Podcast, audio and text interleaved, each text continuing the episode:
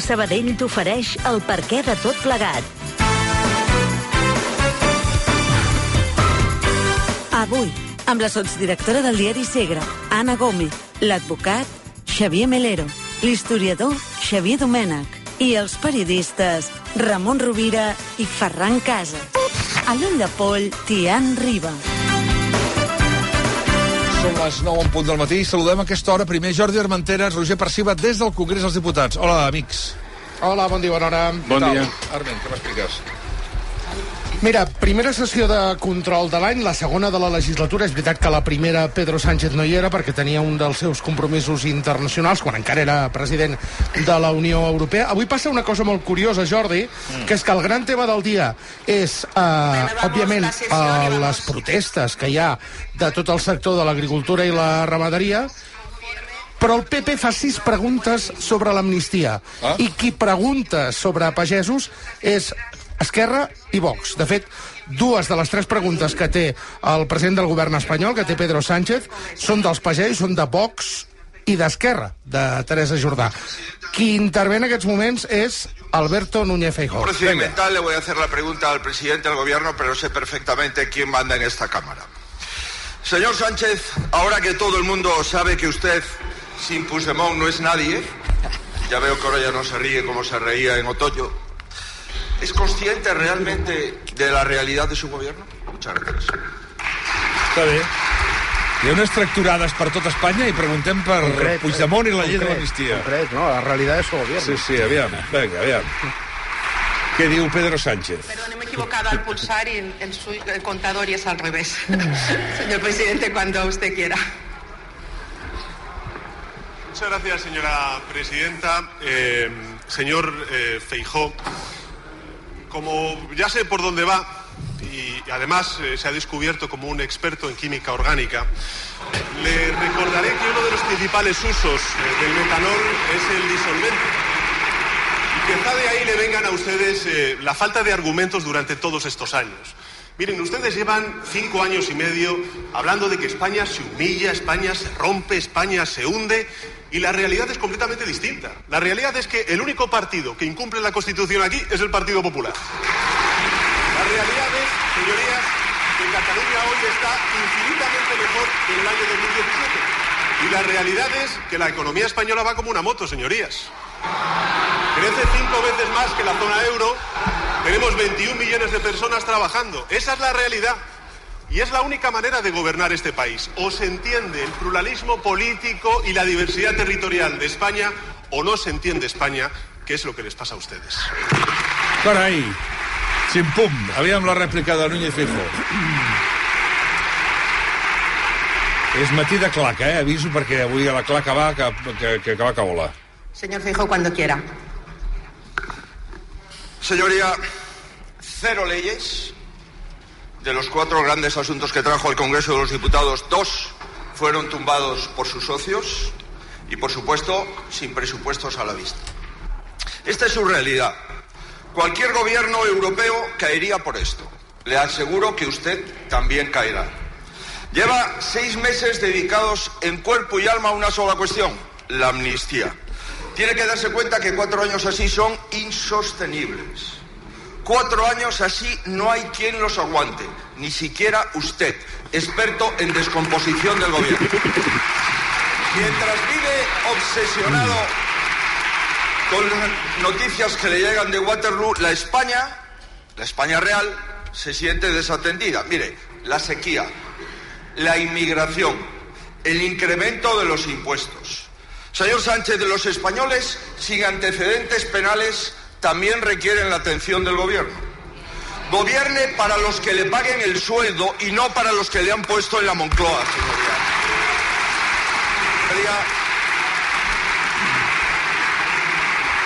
Le estamos viendo estos días demasiado centrados en cambiar los criterios de la Fiscalía. Debería escuchar a la agricultura. ¿Sabe por qué? Porque no aguanta el dogmatismo ambiental de su gobierno. El problema de los agricultores españoles no solamente está en Bruselas, está en las bancadas de su gobierno, señoría. Mire, lo que ha dicho el gobierno. de los agricultores que, que desperdician el agua, que el pacto del agua puede esperar, que esta PAC es una maravilla, que no se puede subir el IVA que no se puede bajar el IVA a la carne, al pescado, a la conserva, que el lobo requiere más protección que los, las cabezas de ganado y por supuesto que no comamos ternera. Mire, señoría, el problema de usted es que solo mostraría interés por el campo si la señora... Señor, sería terminado el tiempo, señor Feijóo.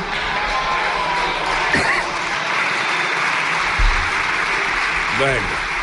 9 i 6. Continuava parlant, però clar, no sabíem què deia perquè el micro el tenia tancat. Ha exhaurit el seu temps i ara torna a la rèplica Sánchez. Muchas gracias, señora presidenta. Otra propiedad de- del metanol, uno de los usos del metanol también, señor Feijóo, es el combustible.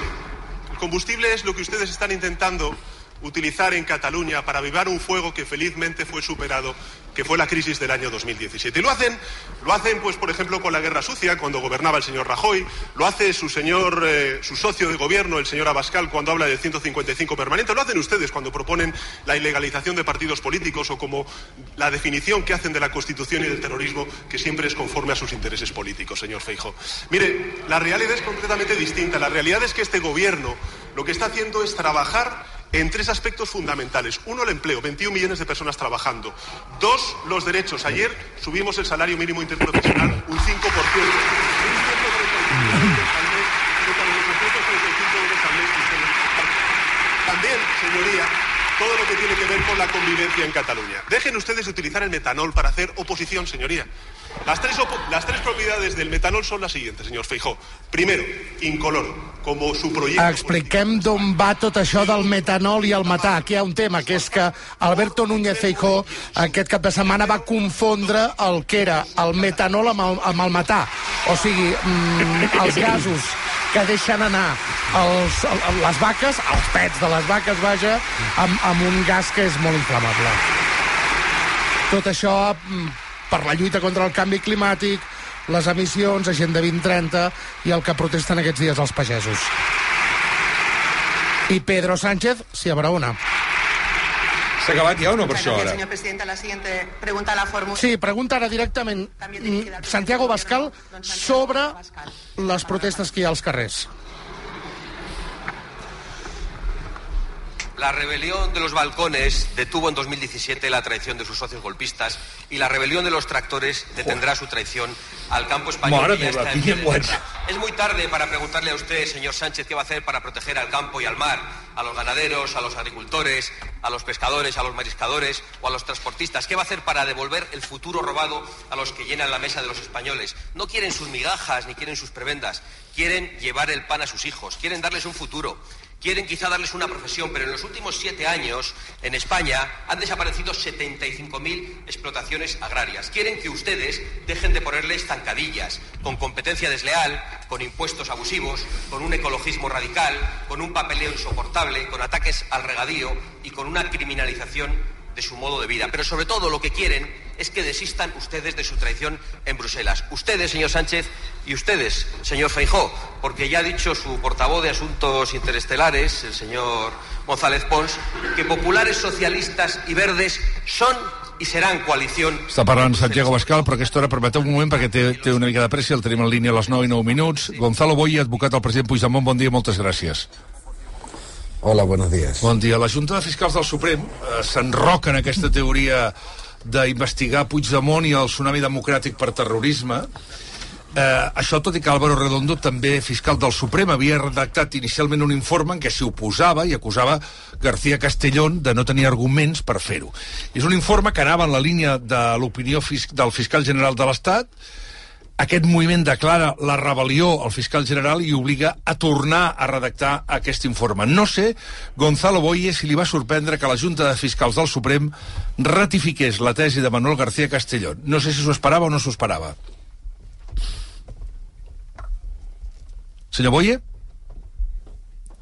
Doncs no s'ho esperava, perquè no el tenim... Ja s'ha tallat la línia amb Gonzalo Boye. Mira que era maco i la mi m'havia quedat, escolta'm, sense farfullar, m'havia sortit una pregunta impecable. Havia sortit Una, una pregunta impecable. Tot seguit. Tot pagava sense seguit i, escolta'm, sense cap problema. Tornem a Bascal, vinga, va, ara recuperem Boye. Las gentes del campo y del mar que están luchando por su pan y su dignidad. Por cierto, dígales si en su santa ira y su justa indignación alguno aprieta demasiado como sus socios, si para ellos habrá amnistía o eso solo está reservado aquí a los traidores, a los terroristas y a los ladrones. Muchas gracias.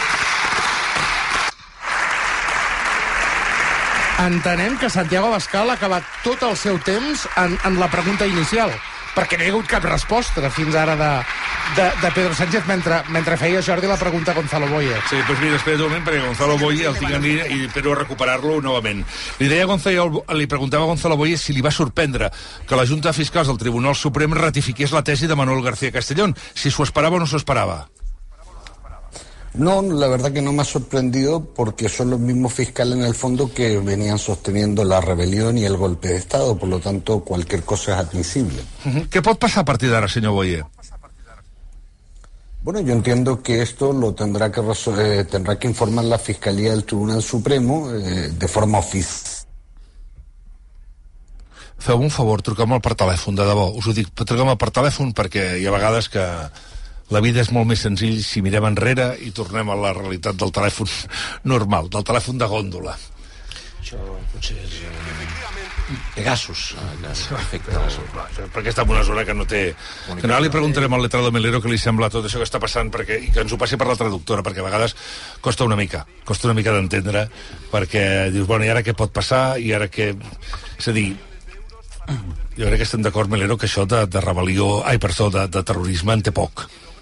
Jo, jo crec que estan, ens estem venent tots, bevent tot l'enteniment, però bueno, en fi, i, qui, eh, és el que hi ha. El que s'associa eh, culturalment, psicològicament, històricament amb el terrorisme no té res a veure eh, amb el supòsit del que estem parlant, amb el de tsunami a l'aeroport de Barcelona, però bueno, és veritat que si algú vol fer una interpretació extensiva d'un codi que està redactat amb el cul, amb materials d'aquests de, de derribo, de resolucions europees i sentències agafades amb el copy-paste i tal, i vol fer una interpretació molt llarga, molt llarga, molt, molt, molt àmplia, molt oberta, pues un grup d'ecologistes que vagin a alliberar a un gos d'una gossera, pues estan cometent un delicte de terrorisme. I, i si ja ens posem així, pues, pues, pues, bueno, pues terrorisme ho és tot i, i, i anem on anem. Um, ara hem recuperat telefònicament a Gonzalo Boye. Deia, què creu que passarà ara, senyor Boye? Bueno, yo creo que ahora, eh, no sé en qué punto me quedé, pero me quedé hablando solo, lo que sí estaba diciendo, eh, una cosa que no suele pasar a bastante a menudo. Eh, en todo caso, lo que yo creo es que ahora tendrá que el tribunal, la Fiscalía del Tribunal Supremo pronunciarse oficialmente, esto fue una reunión, digamos, por llamarlo educadamente, eh, son los mismos fiscales que en su día dieron rebelión, golpe de Estado y esas cosas, y después esto pasará a la sala de admisiones, que no está vinculada por el informe del Ministerio Fiscal, y ellos tendrán distintos escenarios, eh, tanto de aceptar plenamente la competencia, como de, de decirle al juez García Castellón, mira, esto sí, eso es terrorismo, esto es una caleborroca, pero sigue investigando los vínculos con el presidente Puigdemont, es decir, yo creo que ahí van a ser muy imaginativos a nivel jurídico. Quina influència real té l'opinió de la Junta de Fiscals del Suprem en informes com aquest? Mire, eh, en realidad es que a veces perdemos el norte de, de, de ciertas cosas. Eh, no existe un soporte legal para lo que ellos han hecho ayer. Eh, no existe soporte legal para esa junta de fiscales ni cuál es la opinión que ellos tengan que emitir. Es decir, todo esto no forma más que parte de, de una, de una situación en la cual cada cual quiere jugar eh, su papel, ¿no? Mm. Segurament molta de la gent que ens està escoltant ara, Gonzalo Boye, no saben realment quina funció tenen aquest tipus d'informes en un cas com el del tsunami. Ens ho podria explicar? Mire, en realidad eh, los informes normalmente los hace un fiscal. No sé por qué en este caso eh, ese fiscal hace un informe y ese informe tiene que pasar a un órgano que no existe de, legalmente y a partir de ahí, ¿por qué tiene que haber otro informe y una autorización del anterior fiscal? Yo creo que aquí eh, la gente que nos está escuchando no lo entiende, pero los juristas tampoco. Los juristas no existe. Hmm. Clar, perquè si imaginem-nos que l'informe dels fiscals del Suprem argumenta investigar el president per terrorisme. Això què suposaria? La llunya llavors de la llei de l'amnistia? No, bueno, yo lo que creo es que, a, a ver, a- al presidente Puigdemont se le ha investigado primero por rebelión, después por sedición, ahora por malversación, eh, se le quiere investigar por eh, traición, se le quiere investigar por terrorismo. Eh, Más allá de los Pirineos, ya nadie se cree nada. Esto es para consumo interno y para una parroquia muy determinada, ¿no? Uh -huh. quan, quan sabrem la resolució final de l'informe? Perquè deu tenir uns terminis ara el Suprem. Aproximadamente el día que a ellos se les antoje, porque ni está previsto ni hay una fecha tampoco para lo que no está previsto. Buah. I després d'aquest informe, quins passos hi haurà a continuació? El siguiente paso es que la sala de, eh, de admisiones del Tribunal Supremo, que ya tiene designado un ponente, eh, que es el magistrado Verdugo, eh, tendrá que emitir una resolución y en esa resolución ellos tienen distintos escenarios. Ahí sí se abren distintos escenarios porque el Supremo puede decir, mire, yo veo que esto es terrorismo y además que este señor es el responsable de todo y por lo tanto me quedo con la causa. Puede decir lo mismo y decir, oiga, pero como el- la, única persona que yo considero que es aforada eh, es el señor Puigdemont, me quedo con la causa en lo que respecta al señor Puigdemont. La otra es que respeten las sentencias del Tribunal de Justicia y digan, yo veo terrorismo, pero efectivamente yo no soy el órgano preestablecido por ley, así que le devuelvo la causa. Y hay otra, que probablemente es por donde van a ir, que van a decir, mire, yo veo terrorismo, pero todavía no están claros los vínculos con el señor Puigdemont, siga usted investigando y ya me lo envía cuando tenga más vínculos. Mm. La meva ignorància, per això li pregunto. Estem parlant molt del president Puigdemont, però en canvi en el cas es parlava de que el, el cas del tsunami democràtic hi havia dues, imo, dues imatges, dues icones. Una era Carles Puigdemont i l'altra era Marta Rovira. No entra Marta Rovira amb això que estem parlant? Bueno, es que resulta que, eh, a ver, el- el- ninguno de los investigados en Tsunami, que son tranquilamente más de 70 personas, eh, tiene aforamiento. Tampoco lo tiene el presidente Puigdemont, pero el Tribunal Supremo viene sosteniendo desde hace cinco años que sí lo tiene. Eh, pero él sería el único en los términos en los que lo entiende el Tribunal Supremo. El Tribunal de Justicia de la Unión Europea, el 31 de enero del 2023, dijo que no eran competentes. Pero bueno, esa es otra discusión. Marta Rovira no tiene ningún tipo de aforamiento y los otros 70 personas tampoco. Em, Permeti que li pregunti també per la, per la llei d'amnistia. Fins al dia 21 hi ha marge per, per negociar canvis del text de la llei. El PSOE argumenta que incloure els delictes de terrorisme i fer una amnistia total seria posar safata que la justícia tombi el text. No sé si vostè coincideix o com veu ara la possibilitat de poder arribar a un acord. Mire, yo, eh, eso es un tema que no me corresponde hacerlo a mí, es un acuerdo político y yo soy partidario de que este es un momento en que lo mejor es trabajar en silencio, no generar ruido y tratar de que los, políticos resuelvan este tema. Soy tremendamente opuesto a que, a que cada día estemos algunos hablando y dando una ocurrencia a ver quién se le ocurre el- la, la mejor idea. Yo creo que hay que dejar trabajar a los políticos y sobre todo guardar silencio. Molt bé. Eh, li agraeixo que ens hagi aquí al, al món Gonzalo Boye, eh, i, i molta sort. Deixi'm fer-li una última pregunta per bé de la consideració del futur de Carles Puigdemont. Vostè, com a advocat de Carles Puigdemont, està preocupat després d'aquestes últimes notícies o no? La verdad, en absoluto. Es que cuando se habla de que este eh, es un problema eh, personal del presidente Puigdemont, yo creo que se confunden. No hay nadie que tenga la defensa más asegurada que el presidente Puigdemont. A mí me preocupan las otras 70 personas.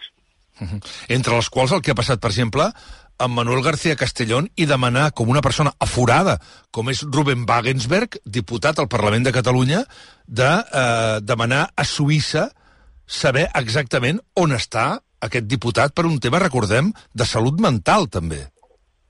Bueno, yo diría que eh, esa pregunta que hace el juez García Castellón es, eh, está basada en cómo ha sido toda la investigación, porque él dice, hemos tenido conocimiento por los medios de comunicación.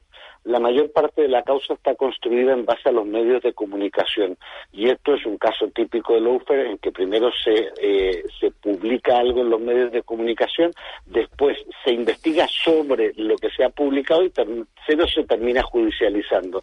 Yo creo que la justicia no debe actuar así y, evidentemente él no ha citado a nadie a declarar todavía, por lo tanto no sé por qué tenemos que gastarnos recursos públicos público en estar viendo si una persona está en un sitio o en otra, ¿no? Eh, una, una història, eh, Gonzalo Boye, que, avui també hemos, que, que avui també hem conegut, és que, i que forma part d'una persona que està a la taula avui d'aquesta tertúlia, que no sé si ho sap ell, que és Ferran Casas. Sí. Eh, Ferran Casas, eh, no, no ho deu saber ni ell, avui hi ha una informació del diari del Digital El Espanyol on explica que... Eh, espera't un moment que vaig al text, que és llarguíssima, aquesta informació és llarguíssima, que diu que... Lo, he- lo he leído esta mañana. Sí, i ja sap per on va. Uh, Oriol Soler va crear un xat de Telegram anomenat Indis Group UO, que, segons la Guàrdia Civil, va manipular informació i notícies des dels mitjans de comunicació més importants de Catalunya. Oriol Soler, que se'l considera, segons la informació de la Guàrdia Civil, el cervell del tsunami, va ser detingut el 28 d'octubre del 20 com un dels responsables del que va passar a l'aeroport del Prat i del, i del tall de la carretera AP7 al novembre del 2019 i a partir d'aquí, entre la gent que hi ha hi ha des de directius de TV3, de Catalunya Ràdio gent de l'Ara, de Nació Digital de Vilaweb del Punt Avui i hi havia des de la Marta Vilalta, portaveu d'Esquerra el Sergi Sabrià, l'actual viceconseller d'Estratègia i Comunicació del Govern Raül Múrcia, el Muto, el del cap de gabinet del conseller d'Interior i Carlos Foguet, director de Comunicació de la Generalitat. I a partir d'aquí surten un seguit de mitjans de, de periodistes hi ha eh, David Bassa. De, de rac només hi ha el president del Consell Rector de Ràdio Associació de Catalunya, que és en Jordi Margarit l'únic que apareix, i a partir d'aquí hi ha des de Miquel Miralles, Marc Colume, Enric Marín, un històric, el Toni Soler, hi ha el Ferran Casas, eh, i bueno, hi ha una llista llarguíssima amb tot el que fèieu. La Marina Llançana, el Roger Heredia, la Laura Pinyol, hi havia en David Minoves, hi havia eh, el Saúl Gordillo, i de Ferran Casas, diu... Això no ho sabies tu?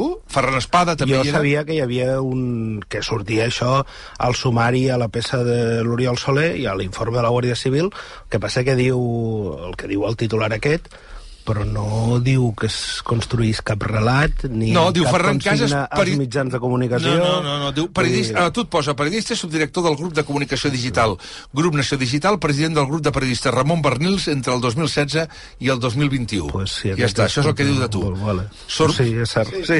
Més. Va, vale. Curiós, Molt no, bé, tot jo això? tinc molts xats amb molts polítics i amb molts companys i doncs, val, d'acord. I si, si això és un delicte o és un... i que l'Oriol Soler doncs, eh, expliqués la seva visió eh, d'un determinat tema o de les protestes que hi havia o del judici, doncs si això és delicte, doncs, eh, si hi fos, eh, sortiria i no s'explica per res, crec, en aquesta informació, pel que dius, ni a l'informe de la Guàrdia Civil, que suposo en el que està basat en aquest informe eh, de la Guàrdia Civil, no s'explica res, mm, pel que jo vaig llegir, eh, més enllà, doncs, això, mm, que, que, que parla en un moment de que és violència, que no és violència, però, però ni, ni cap consigna als mitjans de comunicació, ni res d'això. Aviam què diu, Gonzalo. Sí. Què et sembla això d'aquesta informació? Mire, yo la verdad creo que desde una perspectiva democrática a estas indecencias no le dedicaría ni medio minuto. Evidentemente yo no dirijo ningún programa ni de radio ni de televisión, pero esto es una indecencia sustentada en una ilegalidad que es el cómo se ha accedido a ese teléfono. Lo mismo que en su día accedieron a mi teléfono o al teléfono del señor Alay y al teléfono de tantos otros de forma ilegal y aquí se están vulnerando derechos, entre otros, el secreto profesional de esos periodistas, como en su día se vulneró el mío. Yo creo que darle pábulo a estas indecencias es un mal negocio a la democracia. Eh, no, l'he preguntat perquè, bàsicament, avui ni ho hem comentat, això, l'informatiu, ni ho hem comentat, però tenint en compte que un dels protagonistes està aquí a la taula, a mi amb l'obligació de preguntar-lo. I, Por supuesto, yo, yo no le critico a usted, No, no, no. que lo, lo- lo que digo es que es que me, me parece repugnante esa noticia, como me parecen repugnantes las que han estado saliendo los últimos años, producto del ilícito acceso a nuestros teléfonos. Mm, I una última pregunta, Gonzalo Boye. El dia 20 de febrer, és a dir, d'aquí menys de 15 dies, va a judici en teoria, ara ho parlava, vostè donava un nom, que és Josep Lluís Alai, per la seva assistència com a observador al referèndum de Nova Caledònia. Explicàvem fa uns dies que Josep Lluís Alai ha patit un neurisme. Vostè també és el seu advocat, demanarà, suposo, que se suspengui el judici, no? Ese juicio, mire, eh, eh, voy a aclarar una cosa, ese juicio estaba suspendido por problemas de agenda de la audiencia provincial. Eh, yo no sabía si se había hecho público o no. Eh, evidentemente ese juicio no se va a celebrar el día 20, eh, está previsto ya para septiembre, entiendo, y por supuesto que si no hubiese estado suspendido lo demandaríamos. Eh, Josep no está en condiciones de, celebrar un juicio y, y, por lo tanto lo que tiene que dedicarse es a, a su cuidado y a su recuperación. Gonzalo Boye, molta sort, moltes gràcies novament per explicar-se aquí al món RAC1. Fins molt aviat. Gràcies a usted. Gràcies, bon dia. Uh, Melero, què dius? Que et sembla dic- tot plegat? què Que dic et sembla de tot plegat? Sí, tot esclar. plegat? Bueno, pues que ja no, ja no sé què dir. Vull dir, eh, això de, de, de considerar que algú hi entén de, de dret i que està en condicions d'aclarir les coses perquè les entengui tothom, i, aquesta pàgina ja l'ha ja l'he passat. Jo el que penso aquests dies molt és que una cosa que jo mai no vaig creure quan vaig començar a donar classes de dret a 1991 és que veuria una evolució del dret penal espanyol que ha anat en sentit contrari del que tots esperàvem. O sigui, quan, esperàvem, això. quan esperàvem un dret penal més liberal, més garantista, més restrictiu de la intervenció punitiva de l'Estat, en fi, en definitiva, el que és un dret penal liberal, el que mai no em podia haver imaginat és que arribaríem als extrems de la reforma del 2015 i el que estem veient ara. Vull dir que la història i la realitat ha anat en sentit contrari del que eren les aspiracions de tothom. A 1992 va sortir un llibre fonamental que tots els juristes coneixem, que, que és Dret i raó de Luigi Ferrajoli, Teoria del garantismo penal, que advertia i deia, diu, escolti, vigilin, mirin el cas italià, mirin la, la bestiesa que hem fet amb la legislació antiterrorista per les Brigades Roixes, que ens hem carregat tot el sistema de garanties, perquè al principi era només per les Brigades Roixes.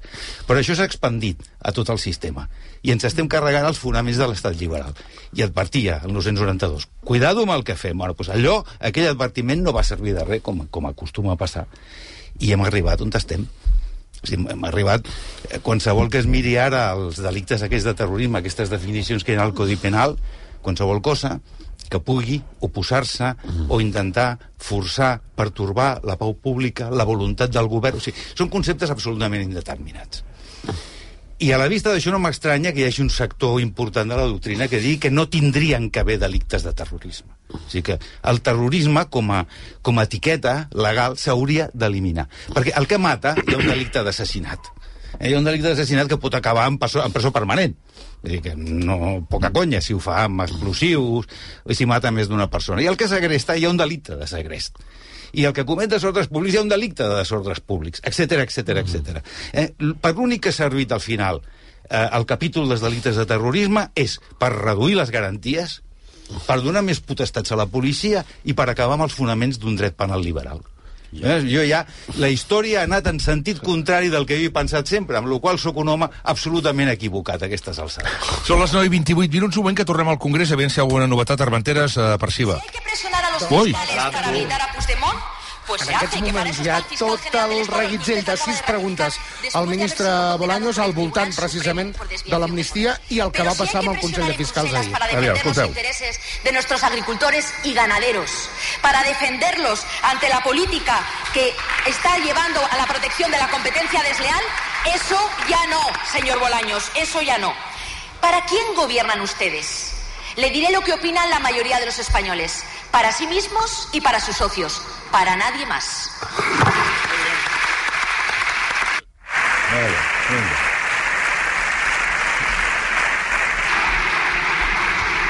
Para sí mismos y sus socios son la mayoría en aquests moments. Eh? Señora presidenta, ha dicho usted que esta no es la España real. Entiendo que no está usted desde- deslegitimando las elecciones del 23 de julio. Estoy convencido que no ha sido su intención, pero lo Escolta, hi ha un acaba de problema decir. de Esta es la distorsió España real. bestial. Señora Gamarra, ¿le gustará o no le gustará lo que votar? Estem amb el mateix problema de la setmana passada, des que han posat els micros nous, se sent com se sent. ¿Le guste o no le gusta el resultado? Escolta'm, uh, uh, perdona, vas, treu-m'ho, treu-m'ho, treu és que tinc mal de cap. Oriol, uh, pots mirar si a través de televisió el so és millor? Aviam si ho podem millorar, perquè és que el so és, és, és, de, és trencador. És trencador. Ara parlarem del tema que ens ocupa perquè estem parlant molt de la llei d'amnistia i hi ha una tracturada a nivell de tota, de tota Europa que em sembla bestial que encara estiguem aquí ara parlant de la llei d'amnistia i està tots els agricultors en peu de guerra, la pagesia en peu de guerra i aquí no passa i aquí no passa absolutament res. Però són dos quarts de deu. Armenteres sí que, sí que l'Armenteres en pot parlar. De, de, què parlava exactament Armenteres? Què estava parlant Cuca Gamarra? No, li estava retraient que eh, el govern d'Espanya en aquests moments està tan pendent de l'amnistia i de la negociació amb Puigdemont, el mateix que ha fet Feijó, que oblida el sector del camp i així estan en aquests moments les carreteres aquest, aquest matí plenes de, de tractors. Vale, a veure si recuperem el so ara millor.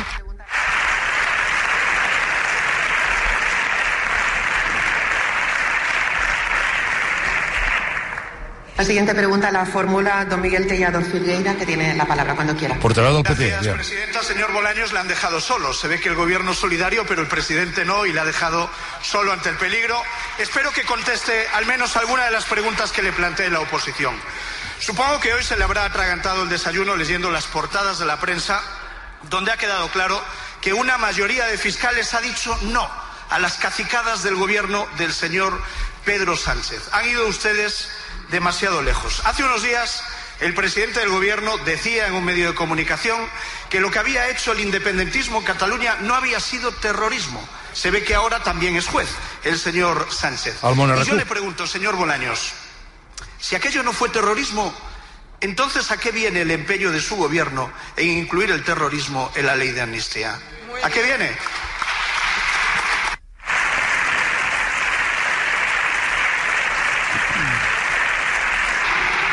Aquí raó. Señor ministro, cuando usted quiera. Ah, Señora presidenta, mire, señor Tellado, lamentablemente en España sabemos muy bien lo que es el terrorismo, porque lo sufrimos durante más de cuatro décadas. Usted sabe lo que es el terrorismo, lo sé yo. Su grupo político y su partido político también sabe lo que es el terrorismo y lo sabemos también nosotros desde el Partido Socialista. Por eso le voy a decir algo de manera muy clara. Paren. Paren de banalizar el terrorismo. Paren de banalizar, de tanto banalizar la palabra Fa que sí amb el cap, Velero. Està mal que ho digui, però ahir ho deia. terrorismo en su boca no vale, no significa nada, porque hace más de 10 años que la democracia española venció al terrorismo, señor Tellado. Y sabe también lo que le digo, que es una desgracia para nuestro país que el Partido Popular sea incapaz de hacer oposición sin utilizar el terrorismo. Carai. Carai, Tellados nota que és de l'època de José María García utilitzant el terme cacicada. Señor Tellado, cuando quiera. Gracias, presidenta. ¿Sabe qué le digo, señor Bolaños? Paren de blanquear al terrorismo porque gobiernan con los herederos. Están ahí, le dan su voto y a usted le han hecho ministro. Mire, señor Bolaños, permítame una lección de primero de Estado de Derecho. En una democracia normal, a los delincuentes no se les trata mejor que a los policías. En una democracia normal, el gobierno de un país no se pacta con aquellos que quieren destruir y debilitar al país. En una democracia normal, el ministro de Justicia no defiende a los que atacan a los jueces. En una democracia normal, señor Bolaños, no se presiona a los fiscales, que es lo que acaban de hacer y se les ha pillado. Mire, señor Bolaños, y esto es muy grave, ustedes pretenden amnistiar a quienes bloquearon el aeropuerto de Barcelona utilizando armas con potencial destructivo. ¿Cómo? Dejando 125 heridos. Com? Pretenden amnistiar a quienes atacaron e hirieron a 80 policías. Pretenden amnistiar a quienes intentaron atentar contra el rey en julio de 2020. ¿Cómo? Pretenden amnistiar a quienes fueron calificados por la Fiscalía en el sumario 5-2021 A los que mataron a Manolete. Estos delitos no se los inventa el PP, están recogidos en autos judiciales y ustedes pretenden amnistiarlos. Fueron pensados y planificados en Ginebra y con la ayuda de Arnaldo Tegui. ¿Le suena? Hostia. ¿Le suena? A ellos sí. Sus socios. Mire, Osama, jo Osama este Bin Laden gobierno també estava per allà. Cree que hay terrorismo bueno y que se pueden apoyar en quienes lo defienden y ustedes lo justifican. Lamentable. Señor Tellado, se le ha terminado el tiempo. Aviam la resposta, aviam la resposta ara que fa Bolaños, perquè és que m'acabo d'assabentar de coses que desconeixia absolutament. I que poden ser que siguin mentides, clar. Señor ministro, cuando quiera. Gracias, señora presidenta. Usted afirma con toda rotundidad que hubo terrorismo. Entonces le quiero hacer una pregunta. ¿Me puede por favor usted decir por qué? ¿Me puede usted por favor decir por qué después de las eh, elecciones del 23 de julio ustedes se reunieron con partidos que hoy consideran terroristas para lograr la investidura del señor Feijóo?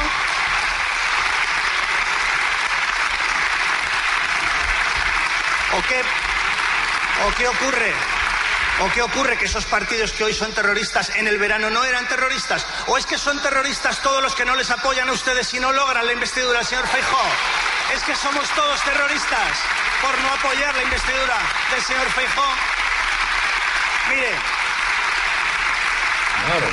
ese es el cinismo del Partido Popular, el cinismo absoluto del Partido Popular. Mire, lo que ocurrió en el año 19 en Cataluña fue grave. Y desde luego que lo fue, desde el punto de vista social, institucional, legal. Pero no fue un fenómeno terrorista. Ustedes lo saben. ¿Por qué en el año 2019 ustedes no calificaban como terrorismo aquello que estaba ocurriendo en Cataluña? ¿Por qué no lo decían? Mire, le voy a decir algo. Ustedes, ustedes Gracias, yo agradezco mucho que me hagan preguntas, así puedo difundir mi pensamiento, pero les agradecería también que no me interrumpieran, si es posible. Ustedes, ustedes se avergonzarán de relacionar el proceso independentista y el terrorismo como hoy se avergüenzan de lo que le dijeron al presidente Zapatero y al ministro Rubalcaba por acabar con ETA hace una década. Toma, toma vull dir que has un cop al micro que l'ha deixat... Eh... Carai. Era una última pregunta del PP encara a Félix Bolaños. Mm. Pregunta Sergio Osayas, que era aquell diputat de la UPN sí. que mm, va acabar sent un trànsfuga i ara és a les files del PP. Què entiende usted por una Espanya habitable, també al voltant del procés? I llavors preguntarà Vox directament sobre tota la qüestió dels, dels uh, fiscals. Señor diputado, cuando usted quiera. Relájense, señorías, y disfruten. Mire, en un Estado de Derecho, no, señor Bolaños, Rafael, quien decide quién es terrorista no es usted ni el presidente del gobierno, lo deciden los jueces. Y ese es el problema que ustedes tienen que pretenden influir en los jueces y pretenden modificar todo nuestro ordenamiento para que los jueces no tengan herramientas con las que defender el Estado de Derecho. Pero mire, señor Bolaños, la semana pasada algunos medios de comunicación tan importantes como el New York Times, el Times de Londres, televisiones de Alemania, Italia, o Francia hacían un relato exhaustivo sobre las relaciones entre sus apéndices independentistas y el señor Putin. El Kremlin ha estado utilizando la guerra híbrida para atacar la soberanía nacional y ponerse al lado de aquellos que pretendían destruir nuestra unidad territorial. En el último informe de seguridad nacional aprobado por su gobierno en marzo del año pasado y que se han negado a presentar en esta Cámara, el informe del Servicio de Acción Europea sostenía que hay contactos estrechos entre funcionarios rusos y representantes de secesionistas catalanes que requieren una investigación en profundidad. Eso es lo que está haciendo en estos momentos un juez en Barcelona. Eso es lo que se está haciendo desentrañando la trama que respalda las conexiones entre Putin y Puigdemont. Una clara conspiración contra nuestra seguridad nacional. Por eso es por lo que le pregunto, señor Bolaños, si no le interrumpe el señor Puente, si va a desactivar la investigación con su autoamnistía para tapar esos delitos o será otra de esas líneas rojas que usted acostumbra a pisotear.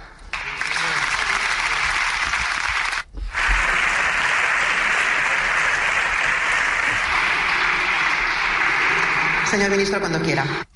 Gracias, señora presidenta. Respondo a su pregunta y le tengo que informar de que los delitos de traición están expresamente excluidos en la ley de amnistía. Por tanto, señor Hernando, yo creo que sería bueno, sería bueno que usted leyera la ley antes de preguntar sobre ella y en el caso de que se la lea, sería bueno que intentara comprender lo que dice la ley, porque se dice expresamente que está excluido de la amnistía. Mire, le voy a decir que no sé si en Cataluña hubo, y efectivamente dice usted obviedades de manera muy solemne, que serán los jueces quienes determinen si hay o no hay un delito. Claro, evidentemente, pero eso también será aplicable a lo que dicen ustedes, ¿no? Porque también ustedes califican los hechos.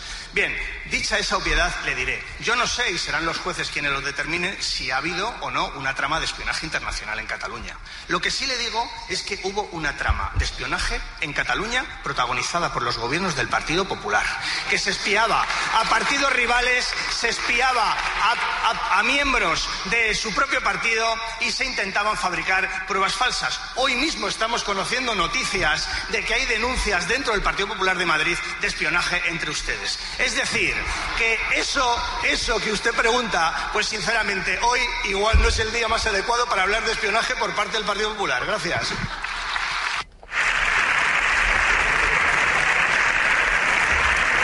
Aquesta informació, Jordi, la treu al país aquest matí. Tres vicesecretaris del PP de Madrid acusen un regidor, també del PP, de promoure irregularitats i espionatge a altres càrrecs del mateix Partit Popular. Mm, a veure, és una practis que no és nova al, al, al PP, que ja hi va haver molt espionatge eh, entre tot el sector d'Esperanza Aguirre i Alberto Ruiz Gallardón en un passat recent. Usted no venga aquí haciendo alardes de nada, porque usted con el independentismo o traga o cae. Hay una imagen muy icónica de un mozo de escuadra en una manifestación disolviendo un manifestante en la que le dice la República Catalana no existe, idiota. Pues señor Bolaños, la mayoría progresista tampoco existe. O ustedes tragan con el independentismo o ustedes caen. Y quien no va a tragar es el pueblo español y se lo va a demostrar la... Propera pregunta, Elias Bendodo. També al voltant dels jutges, els fiscals i tota la persecució que es fa des de la judicatura a l'independentisme. Ministro, cuando quiera. Gracias, No, señor perdó, presidente. Imagino le quedan uns segons a Bolaños. que se inició durante el gobierno del Partido Popular, que tanta gracia le hace. Claro, es que ustedes no tienen salida y por eso pues intentan hacer este tipo de intervenciones verdaderamente grotescas. Mire, le voy a decir algo. Eh, la situación en Cataluña hoy está infinitamente mejor que cuando llegamos al gobierno. Eso es algo evidente. Pero ya que usted tiene tantos problemas eh, con los grupos parlamentarios eh, que, independentistas catalanes, le diré, oiga, si son traidores a la patria, ¿por qué se sentaron ustedes en verano para intentar conseguir la investidura del señor Feijóo con ellos? Si son terroristas, ¿por qué se sentaron con ellos en verano para intentar lograr votos para el señor Feijóo? O son traidores, o son terroristas, o ustedes se sientan con quien haga falta y les llaman traidores y terroristas cuando no les dan los votos para la investidura del señor Feijóo. Esto es lo que pasó, así de simple y así de sencillo. Por tanto, les agradeceríamos que reconozcan la democracia parlamentaria. Ya sé que no les gustó el resultado, pero los españoles votaron. ¿Y sabe lo que le dijeron a la coalición ultra? Que se queden en la oposición cuatro años más. Gracias. Ahora sí, propera pregunta, Jordi. Elías Bendodo, ¿va su gobierno a seguir promoviendo el señalamiento a miembros de la carrera judicial? Aquesta és la pregunta registrada. La siguiente pregunta la formula el diputado don Elías Bendodo Benasayac, también del Grupo Popular y también al ministro de Presidencia, cuando quiera. Muchas gracias, Presidenta. Buenos días. Buenos días, señor ministro. Vaya mañana lleva usted, ¿eh? Pues Vaya sí. mañana. Mire, le voy a hacer dos preguntas nada más. Mire, yo creo que usted es como la Santísima Trinidad. En torno a usted agrupa poder ejecutivo, poder legislativo, poder judicial. Por tanto, será posible que me conteste estas preguntas que le voy a hacer. Usted y su gobierno llevan un tiempo permitiendo un linchamiento judicial a jueces y fiscales mirando hacia otro lado con la connivencia también de la presidenta del Congreso que no rechaza estos hechos. ¿Hasta cuándo lo va a permitir usted? Y si su gobierno y usted va a levantar la cabeza de una vez por todas y pedirle a sus socios que cesen en este linchamiento. Y en segundo lugar, ¿nos puede confirmar usted cuál va a ser la solución imaginativa para modificar la ley de enjuiciamiento criminal para volver a hacer un traje a medida al, independentismo? Muchas gracias. Doncs aquesta no és la pregunta que estava registrada, Jordi. Bueno, això teòricament no està permès, no? No, suposadament no. A veure què diu Bolaños ara i li dirà jo li respondré la pregunta que tenia Señora registrada. presidenta, señor Bendodo, eh, ustedes me preguntan mucho, pero me escuchan poco, porque he dicho en reiteradas ocasiones que desde luego los jueces y magistrados de este país pueden contar con el respaldo del Gobierno de España para hacer con independencia, con imparcialidad y con rigor su labor. Y defenderles, por supuesto, de todas las descalificaciones, lo he hecho públicamente, lo vuelvo a hacer aquí hoy, y también de cualquier injerencia. Que hay en injerencia al Poder Judicial, el Partido Popular alguna experiencia tiene, señor Bendodo, pero bueno, vamos a dejarlo, vamos a dejarlo aquí. Pero saben ustedes de lo que les estoy hablando. Por tanto, le voy a decir cosas que no van a suceder desde luego con nosotros en el Gobierno. Nosotros no vamos a protagonizar ninguna campaña contra ningún fiscal, contra ningún juez, porque simplemente no opine lo que opinamos nosotros. Nosotros no vamos a protagonizar ninguna campaña contra el Tribunal Constitucional, una campaña que está encabezando el propio líder de su partido, el señor Feijó, simplemente porque el Tribunal Constitucional dicta resoluciones que a ustedes no les gustan. Lo que pasa con este gobierno, a diferencia de lo que pasaba con el gobierno suyo del Partido Popular, es que las instituciones se respetan por el gobierno. Y por tanto, la Policía Nacional, la Guardia Civil, los fiscales, los jueces, los magistrados ejercen su labor con independencia, con imparcialidad y con el respeto y la protección del gobierno. Fíjense qué diferente es respecto a lo que pasaba cuando ustedes gobernaban, con policías patrióticas cometiendo delitos para tapar delitos que habían cometido ustedes. Eso es lo que pasaba con el gobierno del Partido Popular y lo que hoy pasa es justo lo contrario, respeto al Estado de Derecho y respeto a las instituciones. Gracias. Bé, ara deixem aquí, ja són tres quarts de deu del matí, ara anirem a la publicitat, però abans deixeu-me dir que ara l'Anna Ballonesta, l'editora del Nou CRQ, m'envia una informació que publicava el diari Ara sobre les interlocutòries de Manuel García Castellón respecte a això que he sentit ara, que m'he quedat a pasta de moniat, o quan deia, quan deia el portaveu del Partit Popular, Miguel Tellado, que parlava d'armes, gairebé que parlava d'armes de destrucció massiva. Eh, bueno, resulta que, que uh, hi ha una... Hi ha un informe que els Mossos d'Esquadra va enviar a l'Audiència Nacional on detalla que els agents van ser atacats amb pedres, ampolles, vidres, ferros i pirotècnia. Com que s'adjunten imatges que acompanyen el document, el jutge ha pogut veure els carros portamaletes, pedres, ampolles, garrafes, vidres, metalls, fustes o extintors. Però els Mossos en cap cas defineixen com a armes aquest material, com s'hi fa García Castellón, que considera que ja val la pena mm, investigar tota aquesta gent que forma part de la cúpula del tsunami pel simple fet de que tot això considera que hi havia violència i planificació per actuar amb violència. Fa que no m'ha cap el... el No, ar ar armes no, objectes perillosos, que és igual, legalment l'objecte perillós és equivalent a arma, però si aquesta no és la qüestió. Aquí hem dit sempre que el que va passar amb una infraestructura crítica com l'aeroport era greu i eren desordres públics greus i podien haver atentats a l'autoritat. Aquest no és el debat, aquesta no és la, discussió. La discussió, la discussió és si és terrorisme o no. No té res a veure. Evidentment que va haver atentats a agents de l'autoritat i desordres públics, però, però, però, però estem en una altra dimensió, estem parlant d'una altra cosa, d'una filosofia legal diferent. Anna Gómez, què tal, Anna? Hola, Jordi. Mira, tal? aquí pendent dels pagesos, patint.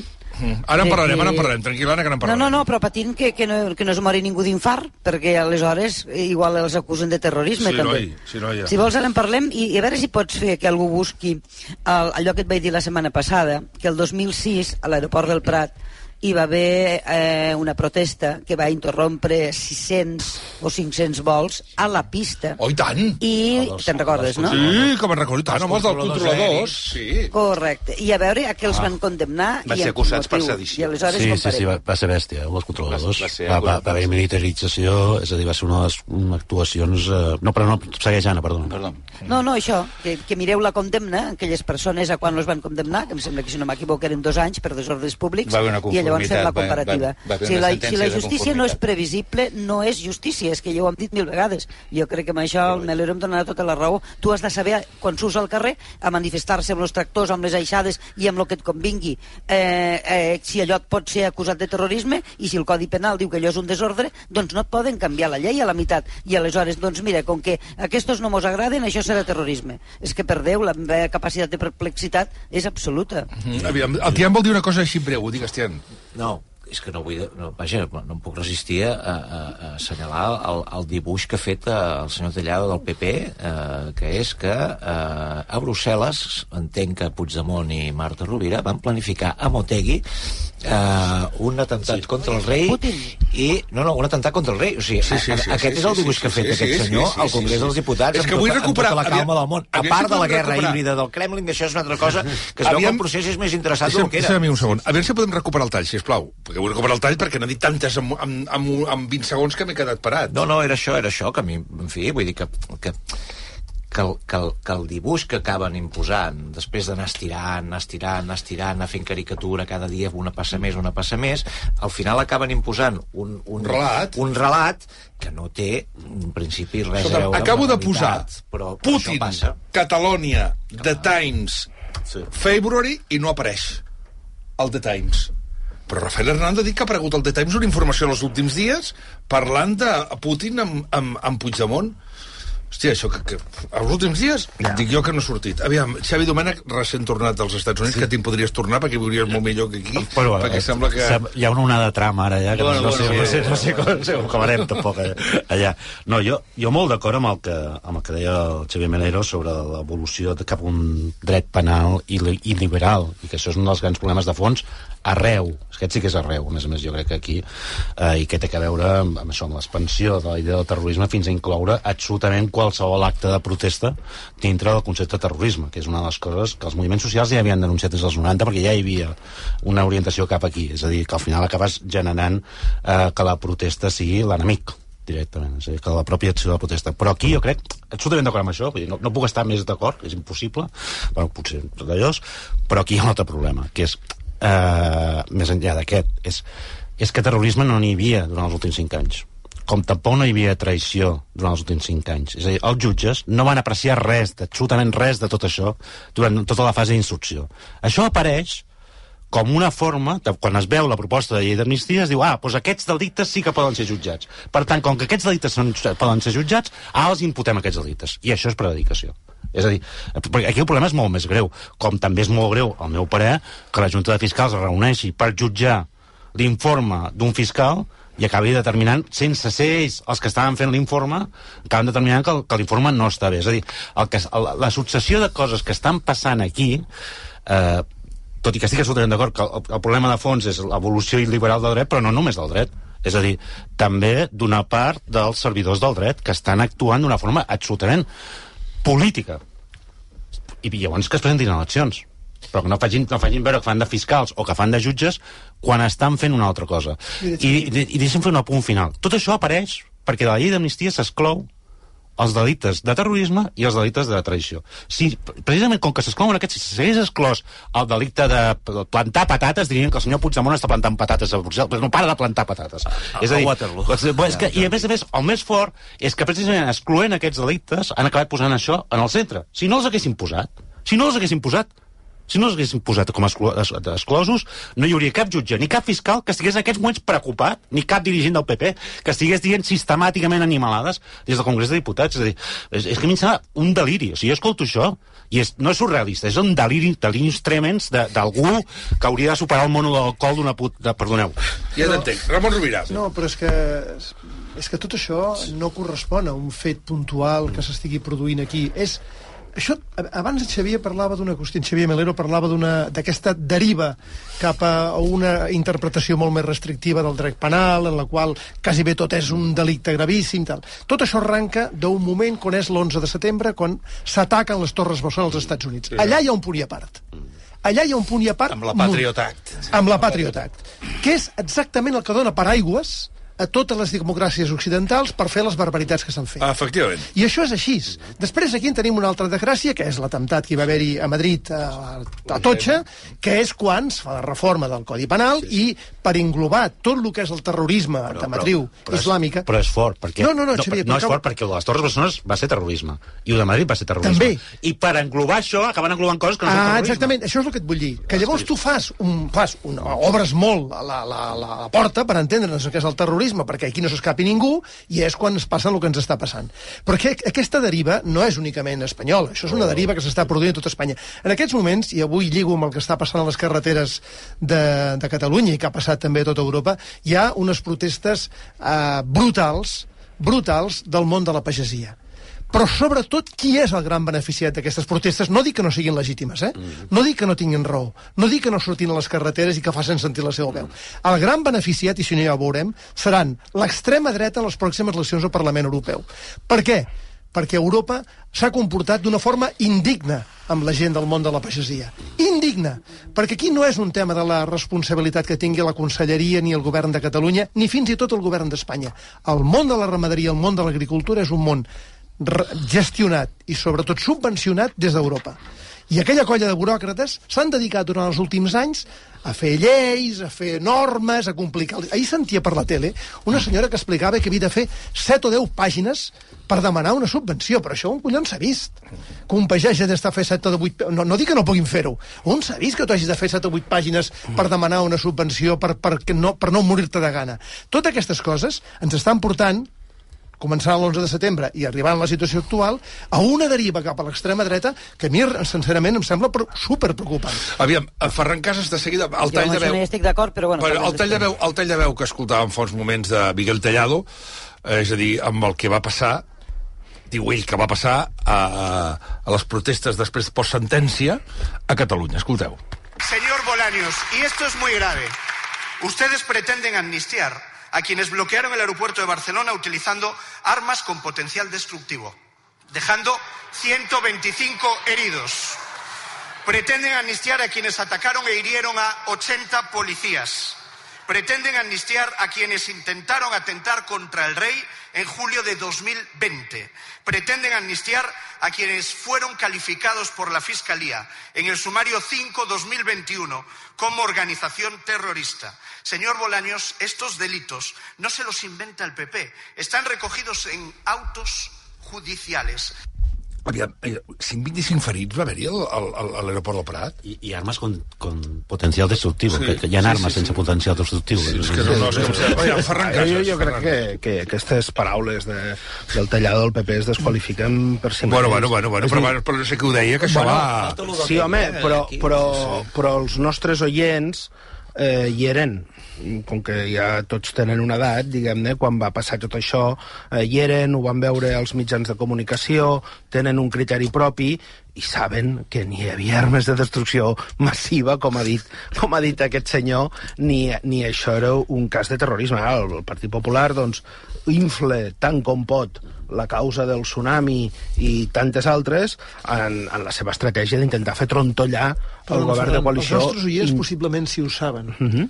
Sí, clar, però la resta de resta l'Estat no. no, eh? D'acord, clar, Els per de això ho dic, per això ho dic. no, eh? Bueno, però és Perquè que en aquests això ho hem moments hi ha parlat una pila mil- de gent que sí, està sí. escoltant aquest- Clar, aquest senyor, Però, que però és que estan això ho dient- hem parlat, però ho hem parlat moltes Ah, vegades. A Madrid hi ha molta hem- gent que està dient el Sí. mateix que estem dient nosaltres i que està publicant el mateix que estem dient Sí, nosaltres. Eh? sí. Vull dir, Madrid Però no és també una n'hi ha- però també n'hi ha- I ojo, Galícia, el que pugui passar a les Sí, eleccions. dalt. també n'hi ha que- Que el BNG va pujant. que fan el mateix que diguem nosaltres a Madrid. Quin diari de I Madrid? tant, bueno, jo ahir citava un, però un, prestigiosíssim Però catedràtic de l'Autònoma de Sí, Madrid, és el primer que es va carregar Va. tot el que s'està fent Però- en matèria de terrorisme En tot cas, dies. Això ho hem parlat- No, no ens pensem Sí, allò que, que més però- enllà del telón de arroz és un altre món. Ho hem eh? parlat molt, d'arroz. molts cops en aquesta, en aquesta tertúlia. Això també el Partit Popular ho fa perquè ha renunciat a Catalunya. És a dir, ells fan un discurs que hi ha una part, jo estic d'acord amb el Melero, hi ha una part, per sort no tota, de la societat espanyola que els hi compre, que saben que és un discurs absolutament marginal a Catalunya, perquè no quadra gens amb els fets del que es va viure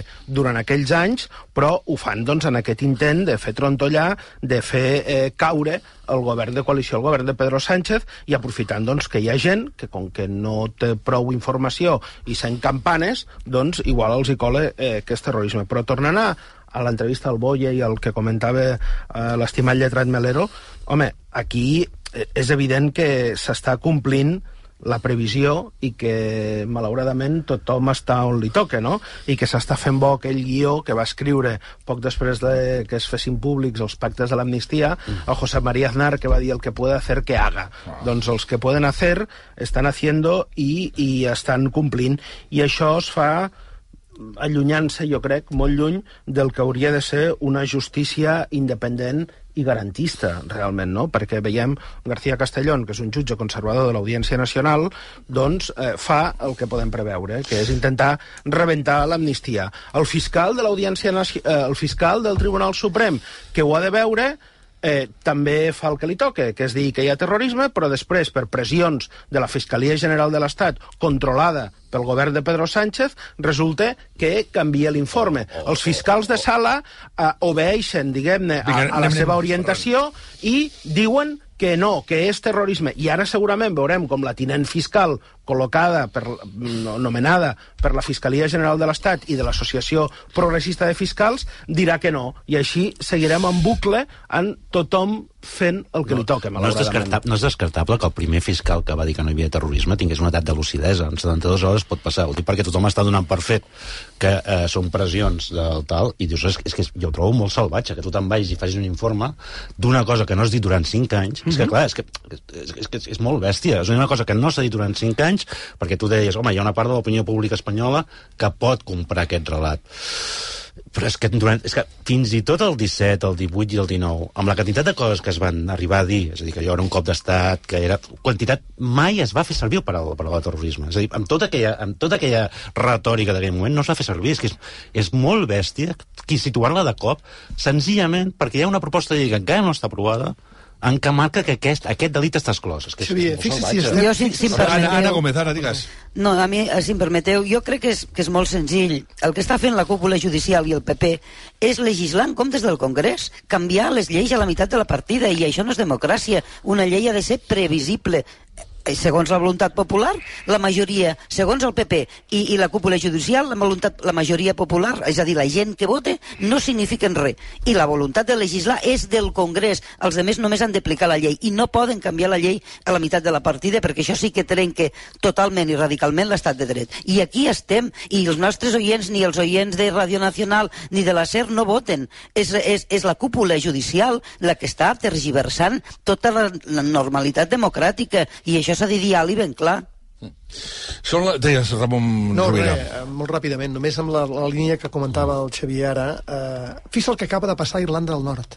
Irlanda del Nord, per primer cop, hi ha una primera ministra d'un Sí, sí, partit que és el Sinn Féin, Sí, sí. que era la mà, el braç polític de l'IRA en el seu moment.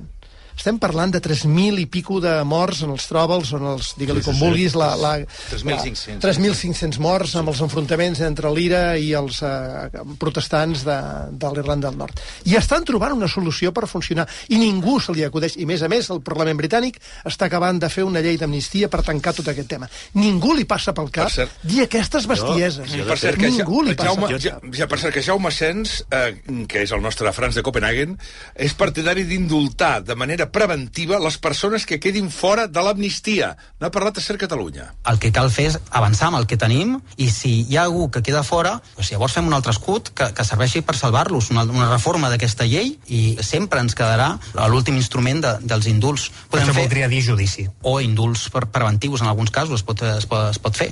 S'hauria de fer una reforma de la llei d'indults per fer això, però no és impossible. Ha fet una cara al... al De reformar tota. A Javier Melero de... No sé si això és una bona idea. Home, tal com està la llei de, de, de, de l'indult... Eh, D'amnistia. Ah, dir, no, es, indult, poden, indult, indult. es poden indultar preventivament sí. els delictes de rebel·lió. Sí. Vale? Però no, No els crec... altres, no? Però no els altres. Però els delictes de rebel·lió jutjats. No, o no jutjats. Preventivament també es podria fer? Preventivament, però els de rebel·lió. Però és que és, és molt senzill. La llei és de 1870. Clar. Hi havia un cop de, un pronunciament militar sí. cada mitja hora. Eh? I promo, promocionat, a més a més, pels propis que estaven al Parlament. Amb, amb la Doncs qual... s'havien d'anar perdonant mútuament. Clar, s'havien d'anar perdonant constantment. Era la primera garantia. Vull És a dir, primer hauries d'aconseguir que Carles Puigdemont, per exemple, l'acusessin de rebel·lió per tal de poder... No, que, el que passa és que podries indultar per rebel·lió, però llavors un jutge diria, no, no, si no és rebel·lió. No és rebel·lió, no és terrorisme, exactament. no és no sé què. Estupendo. Una cosa, Javier, Javier, una cosa. Eh, L'altre dia ja en vam parlar i avui aquest del PP ha insistit amb el tema i tu has dit, en això té raó. En això té raó, què vols dir?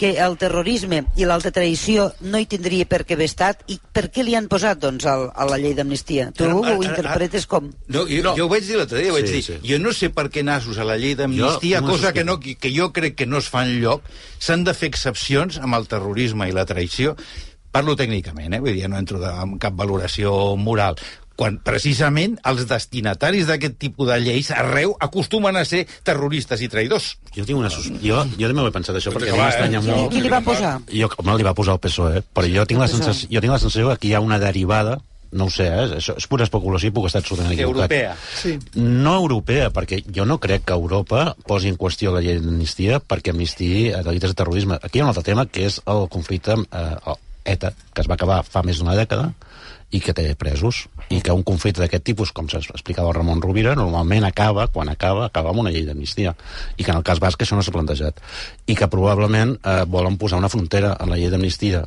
pels independentistes catalans que no els hi permeti obrir eh, un altre debat, que és un debat que es podria produir perfectament, mm. que és el debat de què passa amb els presos de... És que amb això hi ha hagut un debat intern que no ha fet massa soroll i que no se n'han fet massa res als mitjans a dins de l'esquerra Berxale ah. de dir, home, eh, si a Catalunya està passant el que ah. està passant amb 200 o 300 presos, eh, crec que encara hi ha deta que els darrers anys se'ls ha apropat a les presons basques. Segur que ja són menys, eh? perquè, sí, sí, perquè cada dia, lògicament, no n'entren i, i, i, en van, i en van sortint si ells també haurien d'aprofitar, diguéssim, la vinentesa de que, per exemple, EH Bildu bueno, és, que, és una força és política que, és que Bildu... tan necessària com Junts o Esquerra Republicana que... per al PSOE per intentar que... avançar en aquesta direcció. Hi ha una cosa que s'oblida fàcilment a Catalunya, i jo l'he reiterat diverses, diverses, diverses tertúlies d'aquí, que és aquesta llei d'amnistia no l'aprova el PSOE l'aprova una majoria parlamentària. És a dir, l'aprova el bloque, que ara l'ha explicar les eleccions gallegues,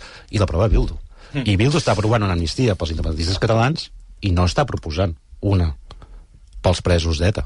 Són les 10, són les 10 i 5 minuts. Para, para un moment. Un, digues, digues, un moment, Anna. És a dir, quan hi havia terrorisme d'ETA, mai es va aplicar cap 55 per derogar l'autonomia basca, mai es va acusar cap lendacari de rebel·lió, mai es va empresonar cap membre del govern basc per rebel·lió, mai es va acusar cap lendacari de terrorisme ni alta traïció. No estem parlant d'això, no? Mm. No, jo, no, jo, jo estic dient per què va, crec va, va, que està limitat. Són les 10 i 6 minuts, un moment que és que era la publicitat, després tornem perquè mentre això estava passant al, al Congrés, amnistia, terrorisme, cridant, venga, terrorisme, i vale, i dale, i dolents, i terrorisme, i Catalunya, i tal, no sé quantos, que clar, Catalunya forma part sempre del mobiliari de l'Estat, és a dir, ara, per exemple, a Galícia també, el debat de l'altre dia, també Catalunya, Catalunya, la llei d'amnistia, i pim-pam, pim-pam, pim-pam, hi ha una tracturada descomunal per tot l'Estat, però especialment ara a Catalunya, que va camí de Barcelona i que volem connectar d'aquí uns moments aquí al Monarracó per saber com està i també per parlar d'això que molta gent no entén. És molt... Avui deia a les 8 que és una d'una hipocresia moltes vegades barata i d'una mena de... el seguiment... Ferran, és ràdio, que si no tapes el tècnic i no el veiem. sí, sí.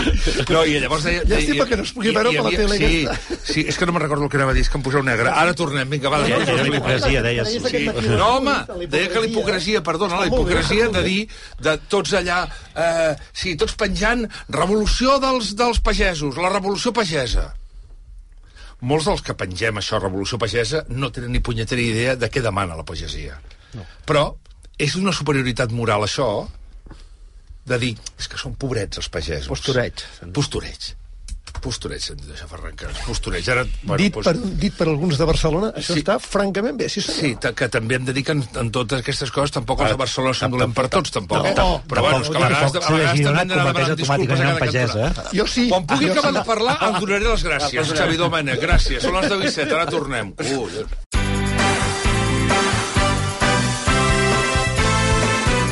El per què de tot plegat. Dos minuts i un quart d'onze al matí, ara de seguida parlem del el que és el gran tema del dia, com ara eh, parlava l'Anna la, la, Gómez, que és, del, de, evidentment, de la, de la tracturada. Des de primera hora estem seguint, i ahir ho vam fer també, les diverses marxes lentes de tractors que van cap a Barcelona. Anem cap a l'AP2, allà hi tenim l'Esteve Giral, i és, és allò de saber exactament com si fos el José María García a la Volta Ciclista a Espanya o al Tour de França, allò del top d'on estan els tractors, en aquest cas, en lloc de les bicicletes. Esteve Giral, bon dia, per on sou? Bon dia. Estem a l'àrea de servei del Penedès. Hem fet parada tècnica allò que es fa, saps quan fas l'excursió, no? Sí. Eh, s'acostuma a ser eh, viatges amb autobús o amb gent gran, que has d'anar parant, no és el cas, eh? Mm. Més d'un centenar llarg de...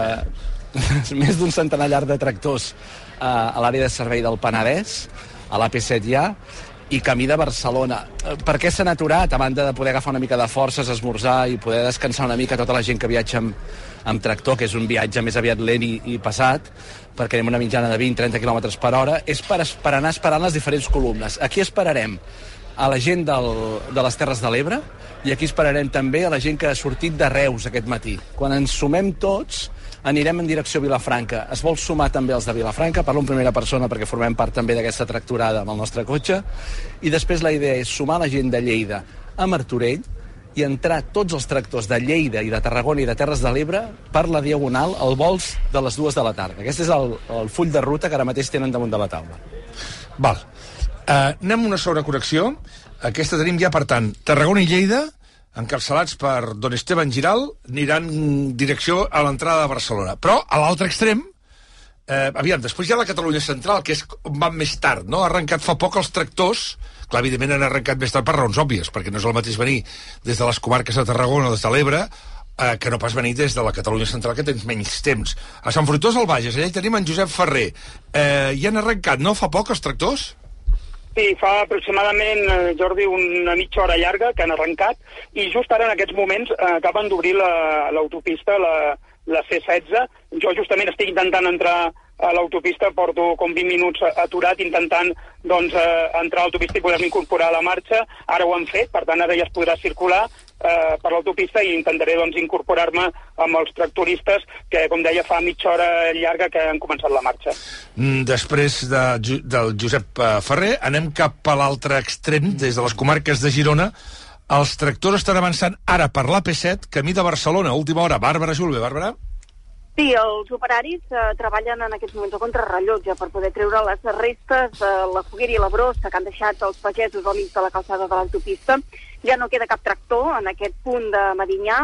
Una hora i mitja més tard del previst, a dos quarts de nou, els pagesos han iniciat finalment la marxa lenta cap a Barcelona després de bloquejar la P7 en aquest punt durant més de 15 hores. El que ha complicat la sortida és que bona part dels 150 tractors que s'han sumat a la protesta eren al camp de sota i han hagut d'enfilar-se un a un per un terraplè per accedir a l'autopista. En aquests moments us podem dir que la tractorada acaba d'arribar a Massanet de la Selva, on els esperen una cinquantena de tractors més que s'afegeixen doncs, en aquesta marxa que avança direcció a Barcelona.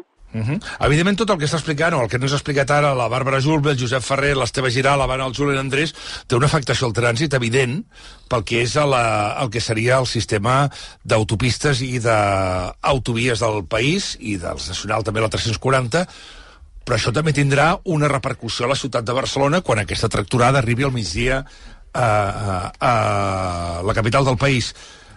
Anem a saber com està afectant tot plegat el trànsit, anem cap al RAC de nou, comptant cotxes i avui també comptant tractors. L'Àlex Huguet, bon dia de nou, Àlex. Molt bon dia. Les marxes lentes continuen el seu camí ara per l'AP7 entre Banyeres del Penedès, com dèieu, i Castellet i la Gornal, la de l'A2 avança entre Cervera i la població de Jorba i a l'AP7 per la zona de Sils i arribant a Massanet de la Selva. Mentrestant, per aquestes mobilitzacions continuen tallades tant l'AP7 a Sant Julià de Ramis, a la Catalunya Central, a la C17 a Vic i Masies de Voltregà, a la C25 a Manresa o la C16 a Sant Fruitós eh, de, del Bages per les Terres de l'Ebre es manté també el tall de l'AP7 a l'Aldea. Per tant, les vies més afectades per aquests talls són les vies d'accés en aquestes mateixes carreteres. No registren eh, molta congestió perquè, evident, la, la gent també està eh, molt advertida, però mentrestant, des de la matinada que s'ha mantingut part de la via tallada a l'AP7 per un accident eh, també a Massanet de la Selva en sentit nord, sense generar massa retencions, i es registra també una avaria a la ronda litoral per la zona de la Ciutat Vella que fa acumular 4 quilòmetres de congestió en un matí a l'àrea metropolitana que, malgrat les retencions,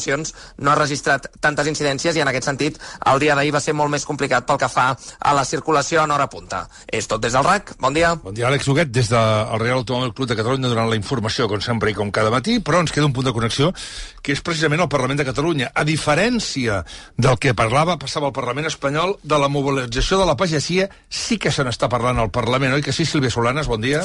Bon dia, correcte. Sí, el conseller Mascort ha tingut feina. Han estat diversos grups, concretament Junts i la CUP, que li han preguntat per pagesos, altres li han preguntat per, per sequera. El que ha fet el conseller Mascort és assumir que no s'ha fet prou bé la feina en aquests vuit anys que ell porta dins, diu, de, de l'administració catalana. També ha culpat altres administracions de la burocràcia. Ha posat, per exemple, que la Unió Europea ha aprovat 196 normatives diferents, l'Estat 93 i el govern 18. Sí que explica que totes les decisions que s'han anat prenent aquests últims anys s'ha fet d'acord amb els pagesos des de la taula agrària, però això no ha tret que hi hagi hagut una enganxada amb Junts bastant forta entre el diputat Salvador Vergés de, de Junts, que fins i tot li ha arribat a dir que plegui, i el mateix conseller. La podem escoltar. Junts per Catalunya vetllarem i estarem amatents perquè vostè dongui la resposta que toca a aquest clam desesperat de la pagesia del nostre país. I si no ho fa, no ens quedarà més remei que dir-li que l'única solució és, malgrat no li plagui, que plogui i que plegui. Vostè pot dir moltes coses, eh? però quan a Europa es voten els, acord, els acords en països tercers, el seu grup vota a favor sempre. Sempre. I és una de les principals causes pels quals els productes que venen d'aquells països fan baixar els preus i perjudiquen els nostres pagesos. El meu grup vota sempre en contra. A, a, aquí podem venir a dir plogui o plegui, el que hem de ser és ser conseqüents amb el que diem, amb el que fem. Això ha passat ara a la sessió de control a consellers, ara d'aquí breus minuts començarà la, la sessió de control al president de la Generalitat, que segur que també li preguntaran sobre el tema, un president de la Generalitat i un conseller que a primera hora de la tarda es veuran amb representants dels pagesos. Uh -huh. uh, gràcies, Sílvia. Si abans de parlar d'aquest tema, aquí amb la tertúlia, mm, vull parlar amb una ramadera, una ramadera eh, que té una edat estupenda, vull dir no, que, que no és ni gran ni jove, mitjana edat. Hola, Maria Àngels Prat, bon dia.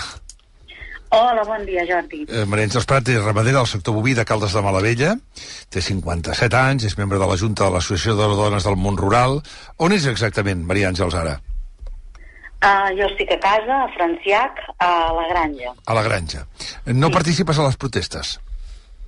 No participo perquè uh, a la Granja hi ha feina i l'hem de fer. Una part ens hem de quedar a fer la feina, però hi participa el meu fill, ja hi va participar ahir, i avui també hi participa, i si la setmana que ve es continua, doncs hi participarà el meu marit, i ens anem repartint i organitzant perquè puguem ser a tot arreu. Aquest matí dèiem que a les 8 comentava aquí al Món que més que donar solidaritat el que hem de fer és demanar perdó perquè molts cops quan ens posem alguna cosa del que crieu vosaltres a la boca, ens la posem, mai sabem exactament ni d'on ve, ni què feu, ni quan us han pagat per allò que vosaltres esteu, esteu treballant, no? Què, què reclameu exactament, Maria Àngels Prat, vosaltres? Bueno, nosaltres, a part de tots els manifestos que, que es varen llegir ahir, mm, una de les principals coses que, que reclamem és la desburocratització, que això fa molt de temps, que des de l'Associació de Dones del Món Rural eh, i altres eh, entitats estem demanant que se'ns simplifiqui, que se'ns faci fàcil, que hi ha molt de funcionari que ha d'estar ajudant i tot això eh, no ho veiem per enlloc. Sí.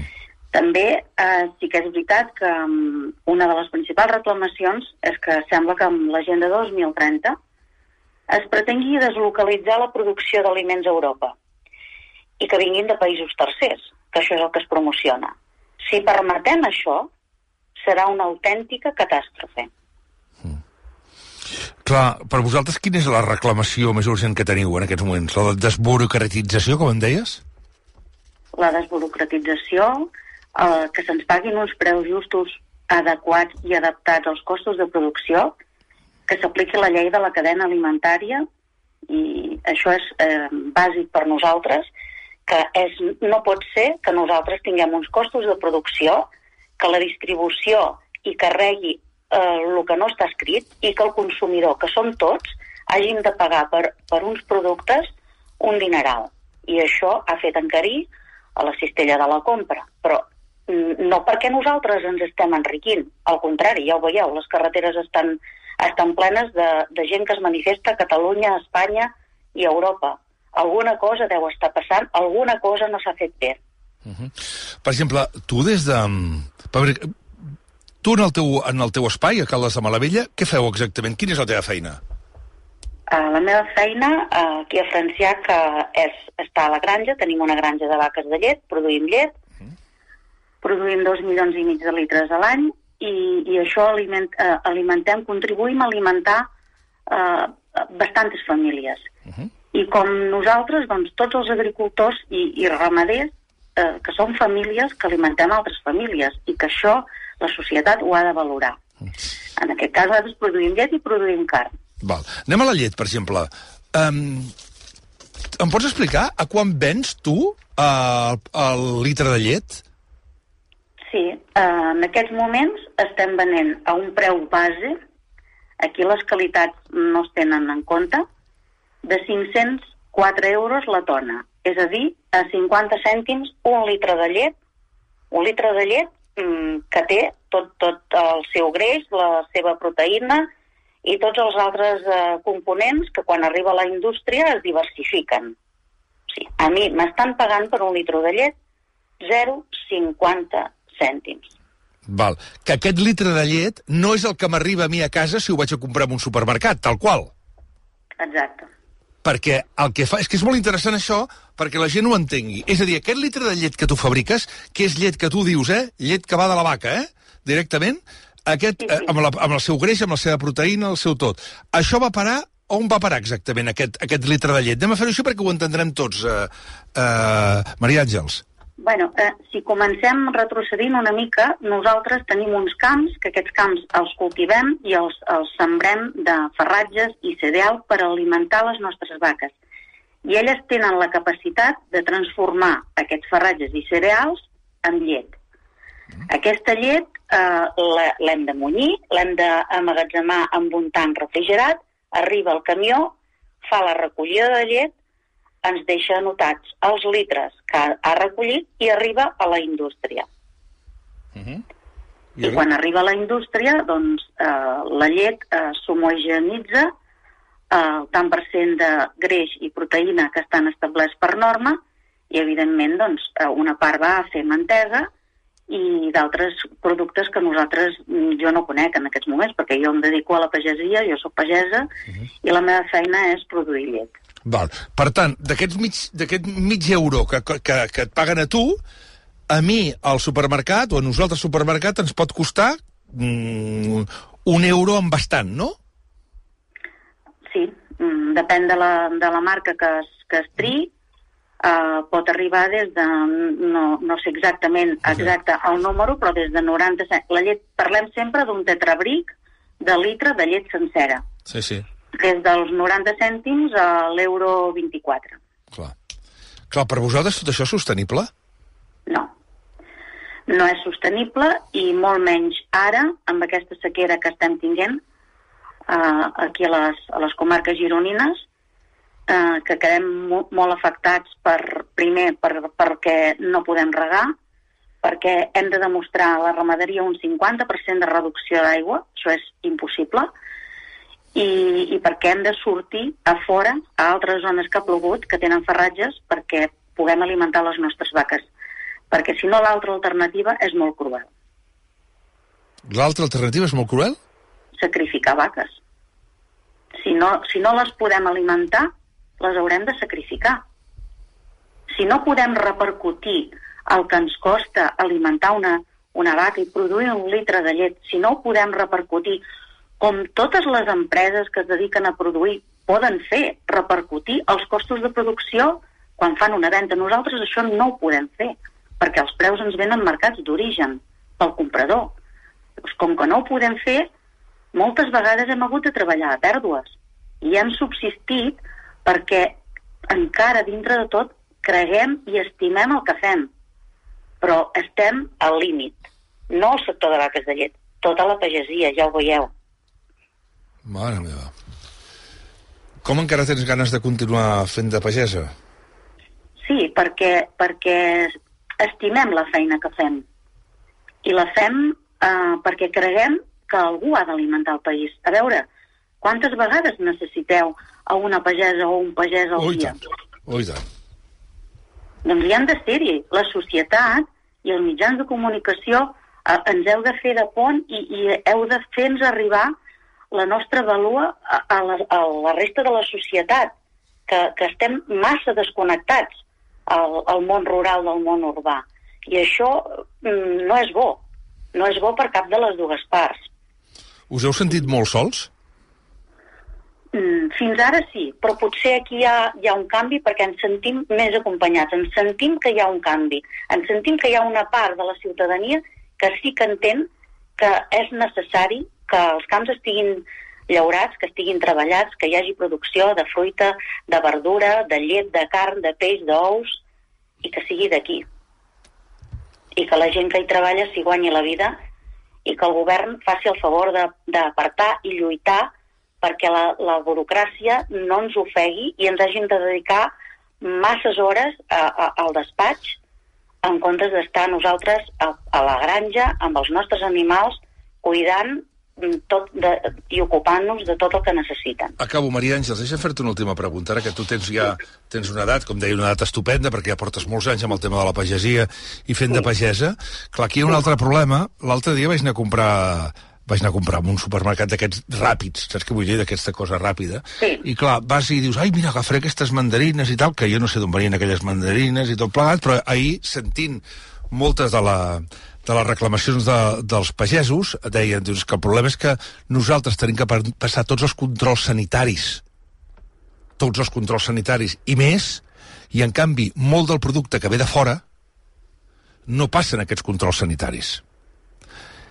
En el món del que seria el teu, en el món boví, en el tema de les, del tema de les vaques, en el tema del sector dels ramaders, en el, el tema del sector de la llet, teniu molta infiltració també de, de productes que venen des de fora?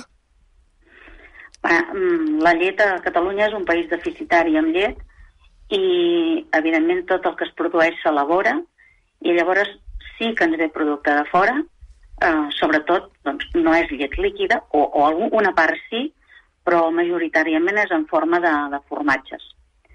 Molts formatges que venen de, de, de fora i molts productes que contenen làctics que segurament no s'han produït ni a la Unió Europea. Però és demanar, no sé si és demanar molt a la gent que, que quan va a comprar, a més a més, es mira les etiquetes d'on procedeixen, però seria molt necessari de, de que es fes. De quina procedència tenen eh, els aliments que posen en el carro de la compra. Llavors, clar, no juguem amb igualtat de condicions. Nosaltres, aquí a Europa, tenim unes normatives, no d'ara, de fa anys, molt estrictes i cada vegada doncs, ens hi hem hagut d'anar adaptant i, i les hem hagut de complir.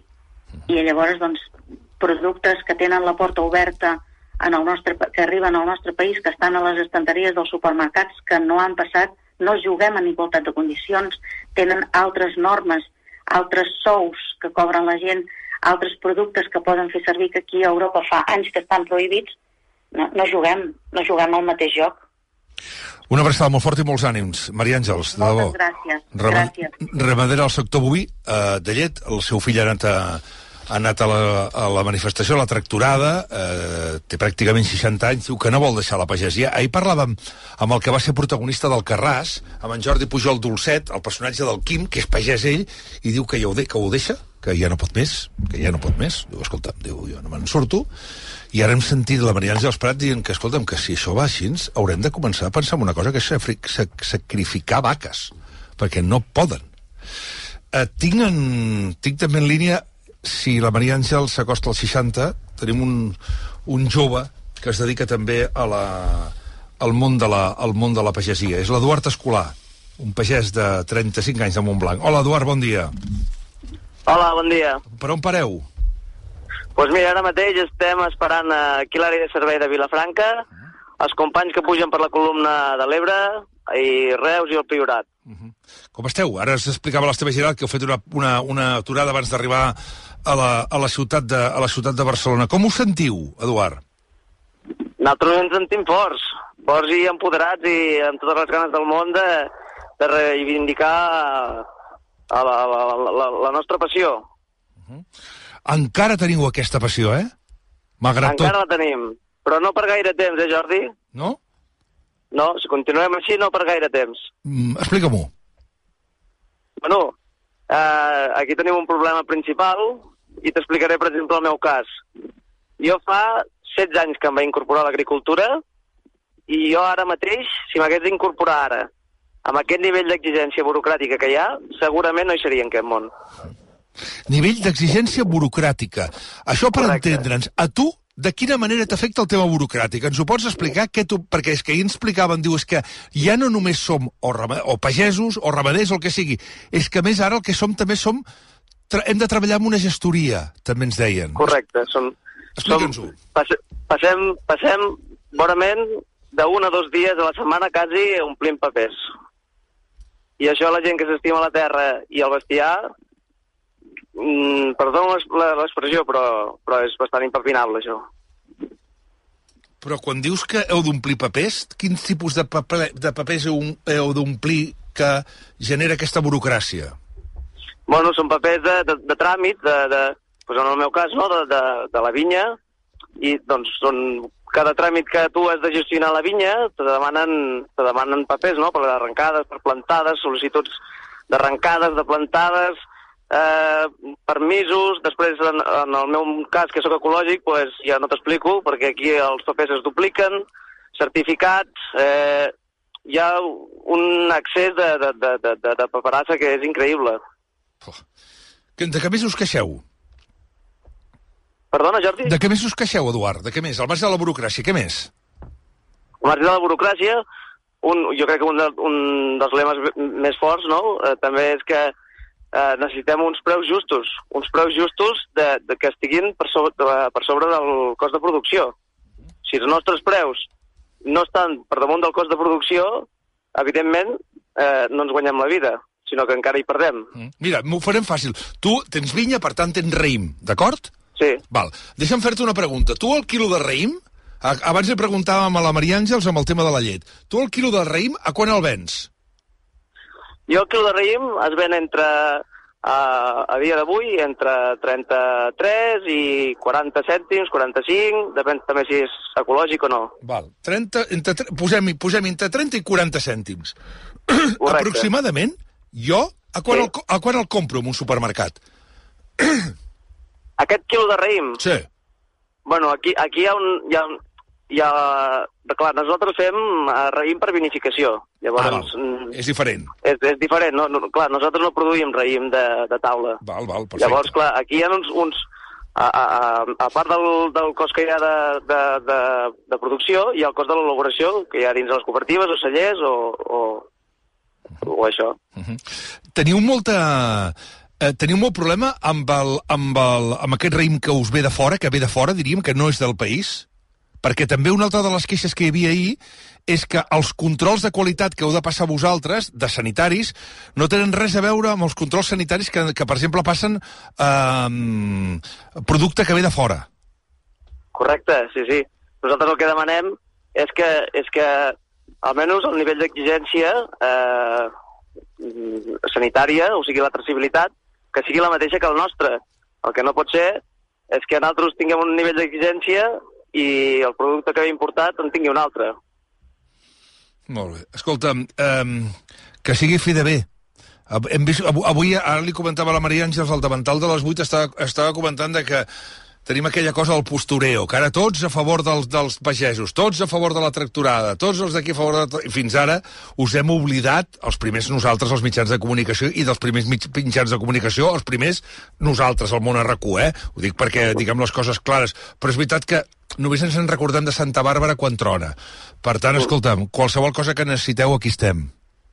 Això, és, això eh, Jordi, et dono tota la raó. S'ha de vigilar molt, a vegades, eh, quin tipus de documental o quin tipus de, de tertúlia es dona eh, del punt de vista pagès. S'ha de vigilar molt, perquè a vegades s'està culpant o s'està criminalitzant un sector que només mirem d'alimentar tot un país. Efectivament. Encara tens ganes de tirar endavant, Eduard? A mi les ganes no me les acabaran, espero, però, però potser arribarà un dia que potser sí, eh? Perquè fa 15 anys dius que et dediques a això, eh?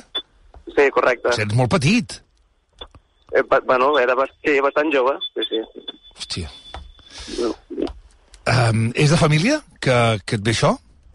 Sí, vinc de família, però de, de, uh, saltant una generació. El meu avi era, era pagès, el meu, uh, a casa meva, en el cas de mon pare i ma tiet, i ma tieta, de part pagesa que vinc, ells ja van saltar aquesta generació i jo he agafat el relleu. Moltes gràcies, Eduard, i tot, molts ànims, de debò. Moltes gràcies, Jordi. Que vagi bé. Una abraçada. Són les 10 i 30. Una abraçada. Anna Gómez, què dius, Anna? Què vols que et diga, pobre de mi? És a dir, mira, jo, si vols, te... eh, eh, ells ho han definit molt bé. Els números no quadren. Jo tinc dos fills, jo vic amb un pagès, que el seu pare era pagès, el seu padrí era pagès i tota la vida pagès. Els meus fills, cap dels dos, vaja, és que ens hi ha passat pel cap. I no perquè la burocràcia sigui feixuga, que ho és i molt, eh, perquè la competitivitat sigui deslleial absolutament, perquè és clar, tu tens un sou i quan es vas a comprar al supermercat, per molta voluntat que tinguis de comprar producte de la terra, si a la vora tens un altre producte, pomes, pores, eh, blat o el que sigui, que és tres vegades més barat, tu has de mirar la teva pròpia inflació.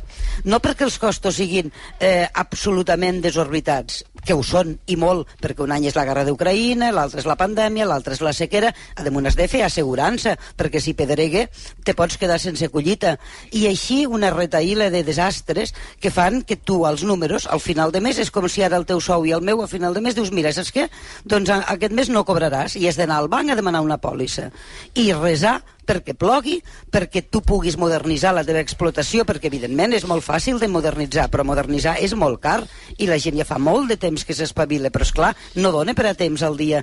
Com ha dit aquesta senyora, tu tens una explotació amb 3-4 persones, 10-15 salariats a la campanya d'estiu i per tant has de fer números i quan no et quadren els números, el més fàcil és que el fill doncs, vulgui ser mosso d'esquadra, administratiu, Clar. metge o enginyer. Totalment I aquesta és la realitat. I ningú se n'ha preocupat, no solament el govern català i l'espanyol i l'europeu, sinó que la gent, mentre van al supermercat i tenen un altre producte més barat, doncs tant els hi fa.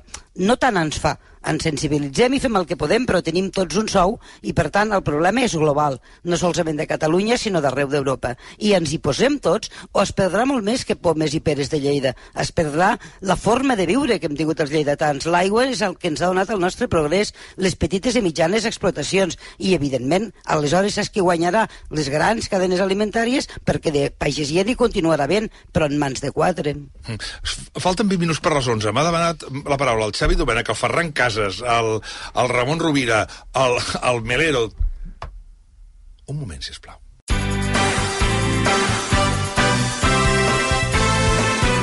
El per què de tot plegat. Quarts, tres quarts tocats d'onze del matí. Re, diverses coses, perquè és que m'havien alertat d'una cosa i que efectivament l'Albert Sort ho puc confirmar, que és que avui a Onda Cero, amb el Carlos Alsina, ha parlat un dels fiscals del Tribunal Suprem. Salvador Viada. Bardají. Ah? Salvador Viada, Bardají. És, és un pou de ciència, el letrado Melero. Doncs bé, aquest, aquest fiscal és un dels que va inclinar-se per investigar Carles Puigdemont per terrorisme. Val? Ell ho ha defensat amb aquest argument. Escolteu. Si uno entiende, como entendíamos la mayoría, que eh, el tsunami eh, consiste en una organización que lanza a masas de personas a confrontarse directamente con las fuerzas de seguridad del Estado, esos que lanzan a las masas asumen las consecuencias probables que puedan ocurrir. Y consecuentemente esas lesiones, esas tentativas de homicidios en algún caso, son atribuibles a las personas que lanzan a las masas. Letrado. Tentativa Bueno, no, però és que, és que estem... Hi ha, hi ha un delicte, hi ha un delicte específic, sí. hi ha un delicte de qui convoca eh, manifestacions, eh, desordres públics i que aquesta part que té una pena relativament greu, té una pena de presó fins a 5 anys, vale? està expressament previst qui mitjançant els mitjans de comunicació, per exemple, i sense influència directa, és a dir, que no és una inducció, però fa proclames perquè la gent tingui una actitud de, que, que pugui degenerar en desordres públics, això està castigat, i això mai no ha sigut terrorisme, tampoc, és que estem amb el mateix. Si no estem dient que el que va passar allà no fos delicte, estem dient que no és terrorisme. Vull dir, són dos debats Diferents. Són, són dos debats diferents. Val. Això d'una banda, el mateix fiscal Aviam, això, això sí que necessito la teva ajuda, eh, Letrado? Perquè eh, és una mica complicat d'entendre, però assegura aquest eh, fiscal del Suprem, Salvador Viada, que tot estava orquestrat a la Junta de Fiscals perquè s'apliqués l'article 24. Què diu aquest article 24? Doncs té com a conseqüència que s'acabi elevant la decisió sobre la investigació al fiscal general de l'Estat. Per tot plegat, aquest fiscal del Suprem, Salvador Viada, considera que els favorables a investigar Puigdemont per terrorisme els han aplicat un 155. Escolteu. Un compañero me dijo, van a hacernos el artículo 24. Cuando nos dicen eso, yo ya sé, y todos sabemos, porque me lo dicen en este sentido, que si el resultado de la votación no es favorable al criterio de que todo el mundo sabe que no hay terrorismo, pues entonces va a haber una discrepancia entre los jefes y esto va a ir para arriba. Que al fin y al cabo esto está hecho con todas las garantías para que resuelva el fiscal general del Estado. El- lo que les han aplicado a ustedes más que el artículo 24 es el 155. Pues mire, mire, ve- veo que el sentido del humor que le, que le ha hecho usted famoso es así. Nos han hecho 155 encubiertos. Pots explicar això, Melero? El 24 de l'Estatut Orgànic del Ministeri Fiscal, quan es produeix una votació a la Junta de Fiscals i no hi ha, i no hi ha un acord sobre com ha de ser l'informe d'un fiscal determinat, puja l'autoritat superior, efectivament, puja el fiscal general de l'Estat. Això ja ho vam tenir amb lo del 9-N, que recordeu que va acabar amb la dimissió del fiscal general de l'Estat. Eh? Eh. Hi havia un acord dels fiscals del Tribunal Superior de Justícia de Catalunya de que aquells fets no eren constitutius de cap sí, delicte. I allò va motivar una junta de fiscals i una resolució del fiscal general de l'Estat amb el sentit de que la fiscalia tenia que procedir per un delicte de desobediència. Vale? O sigui que és un mecanisme eh? és un mecanisme que, que existeix, que fa, que fa de mal explicar. El que està molt, el que jo trobo que és molt, molt que crida molt l'atenció és que això estigués pastelejat, o sigui, que es posessin d'acord per manifestar aquesta discrepància entre dos sectors de la Fiscalia per passar-li la pilota al fiscal general de l'Estat. Mm. Aviam, eh, i una altra cosa. Anem al Congrés una altra vegada perquè ha parlat Yolanda Díaz una mica en la línia del que deia en Jaume Sens, oi, Armenteres? Sí, exactament. El que diu Yolanda Díaz és mm, avisa Pedro Sánchez que el camí per aprovar l'amnistia no és en cap cas la reforma de la llei d'enjudiciament eh, criminal. L'oferta que ha fet el PSOE Junts, ho ha dit així. Primero, prudencia. Dos, eh, Sumar desconoce la propuesta exacta que se está negociando y eh, desconocemos el estado actual de eh, el diálogo que se está emprendiendo sobre esta materia. Y tres, mmm, bueno, creemos que por lo que conocemos por ustedes, los medios de comunicación, esta propuesta parece que no va en la dirección correcta por la afectación general que puede tener. El que diu el seu equip és que hi poden haver causes corruptes que quedin limitades per la investigació si eh, es retalla el temps per tal que un jutge instructor eh, pugui treballar. Per això s'hi oposa. Ai, en fi, gràcies, Armenteres. Que vagi bé. Això no té ni cap ni peus, perquè ara les instruccions estan limitades a sis mesos i es prorroguen com a xurros. Mm. No hi ha cap instrucció que duri sis mesos i es prorroguen i es prorroguen. Si la limiten a tres, es prorrogarà també, en els mm. casos de necessitat. Això, és, sí que, això sí que és una cataplasma. Mm. Són les 10.53, fa un moment, abans d'anar a la publicitat, estàvem parlant del, del tema de la pagesia i Ferran Casas m'havia demanat la paraula. Endavant, Ferran. Sí, jo senzillament amb això dir que quan parlem d'equilibri territorial i quan venen les campanyes electorals i els polítics en parlen de la lluita contra el despoblament, recordo per exemple que es va fer un programa de la Generalitat de Catalunya que al final va quedar en res eh, que es deia País Viu i, i altres mesures, bàsicament amb el que resumeix tot i en el que cal buscar la solució és una cosa tan simple però tan difícil alhora com que la gent pugui viure del sector primari, és a dir, com que la gent que viu a les comarques de l'interior del país doncs, pugui viure de la seva terra i que no les convertim totes en horts solars eh, per posar-hi molins de vent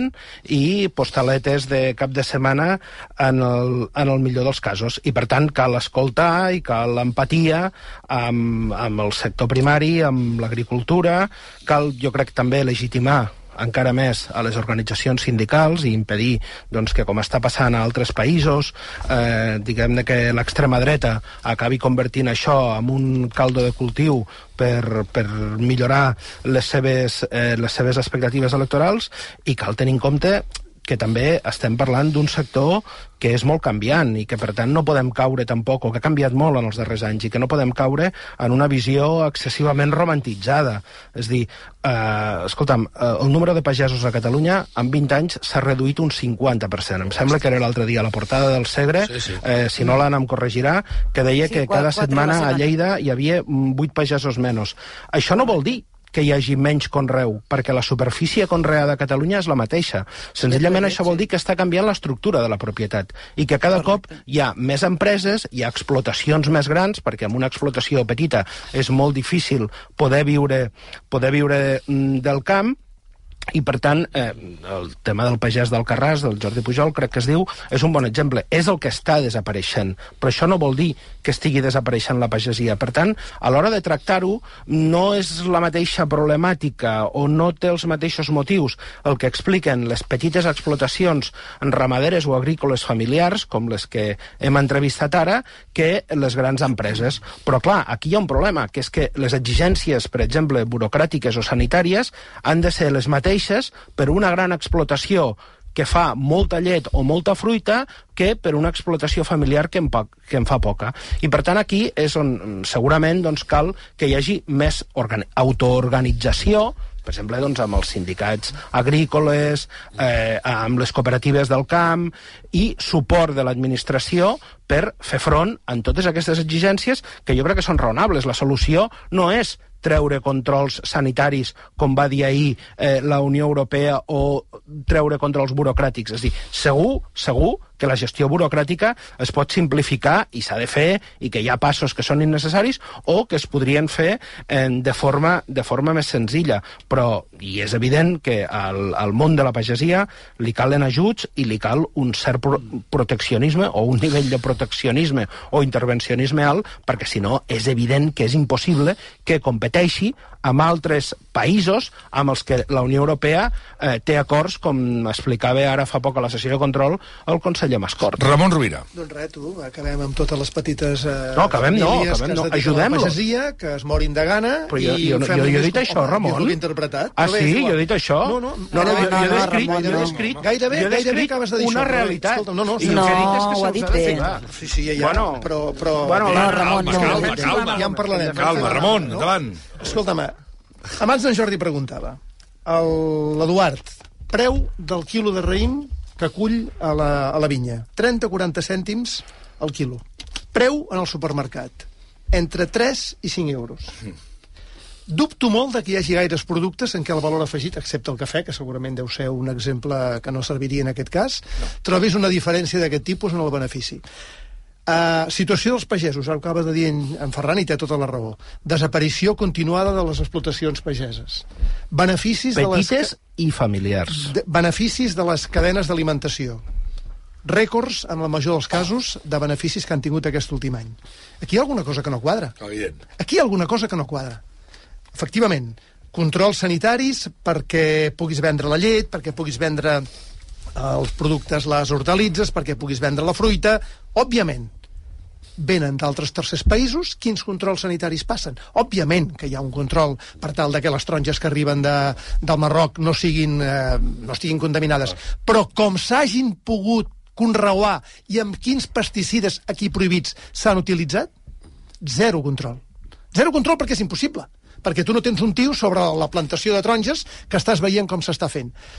Tema de la burocràcia... Però, perdona, però els estats han decidit eh, fer acords comercials amb el Marroc o amb altres països de l'Àfrica, eh, de Llatinoamèrica, o al seu dia amb Turquia, que, que això va ensorrar el sector de la fruita seca De a Catalunya, sí. de l'ametlla i l'avellana, Sí. perquè els seus productes puguin eh, entrar i comerciar pràcticament lliurement i sense Perdona, garantia. perdona, perdona, perdona, perdona. Anem vaig al Parlament de Catalunya, que està Adrià Santa Susagna. Bon dia.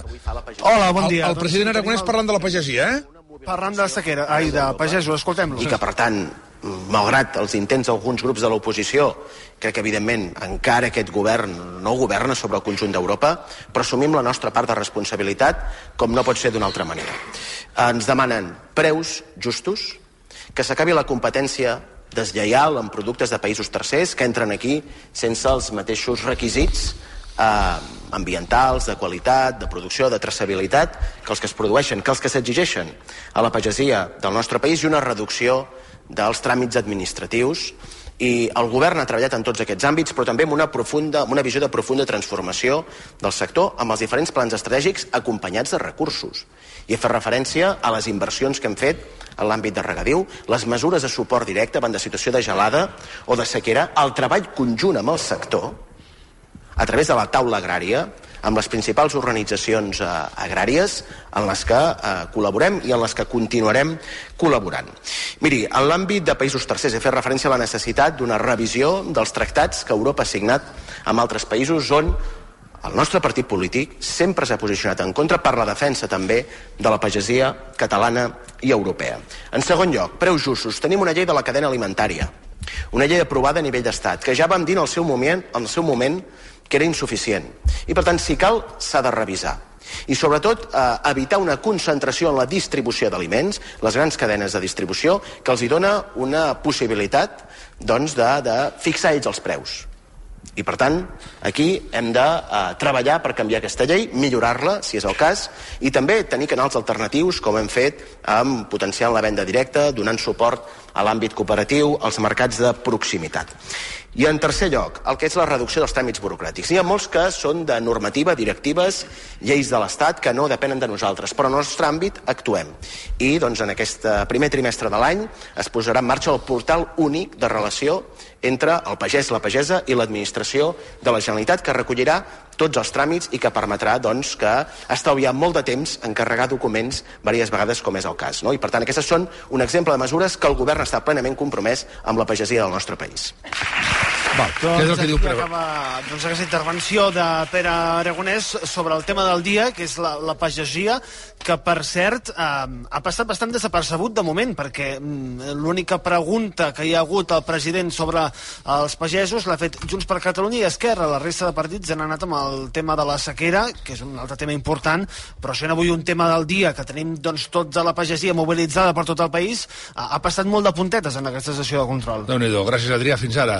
Aquest Fins és el ara. problema, xiquet. Aquest és un altre problema, xiquet, efectivament, com perquè els dius. importa Ara, un pito, perquè al final Sí, sí, no? els vots de la pagesia i el món de la ramaderia pesen tan poc en el conjunt eh, que, que això és el que fa que ningú hi posi atenció.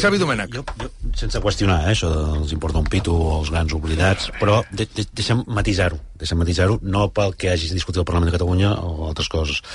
La política agrària comuna és una política central de la construcció europea, és a dir, hi ha moments que el 50% del pressupost de la Comunitat Econòmica Europea va a això, és a dir, el 50%, eh? per tant no, no, no podem parlar... de que- 50% de les ajudes. Bueno, no, no, del 50% del, del pressupost del conjunt de la Unió Europea, el 60, va a això, el 160. És a dir, per què ho dic? Per, perquè és una decisió, i em sembla que és important aquesta decisió.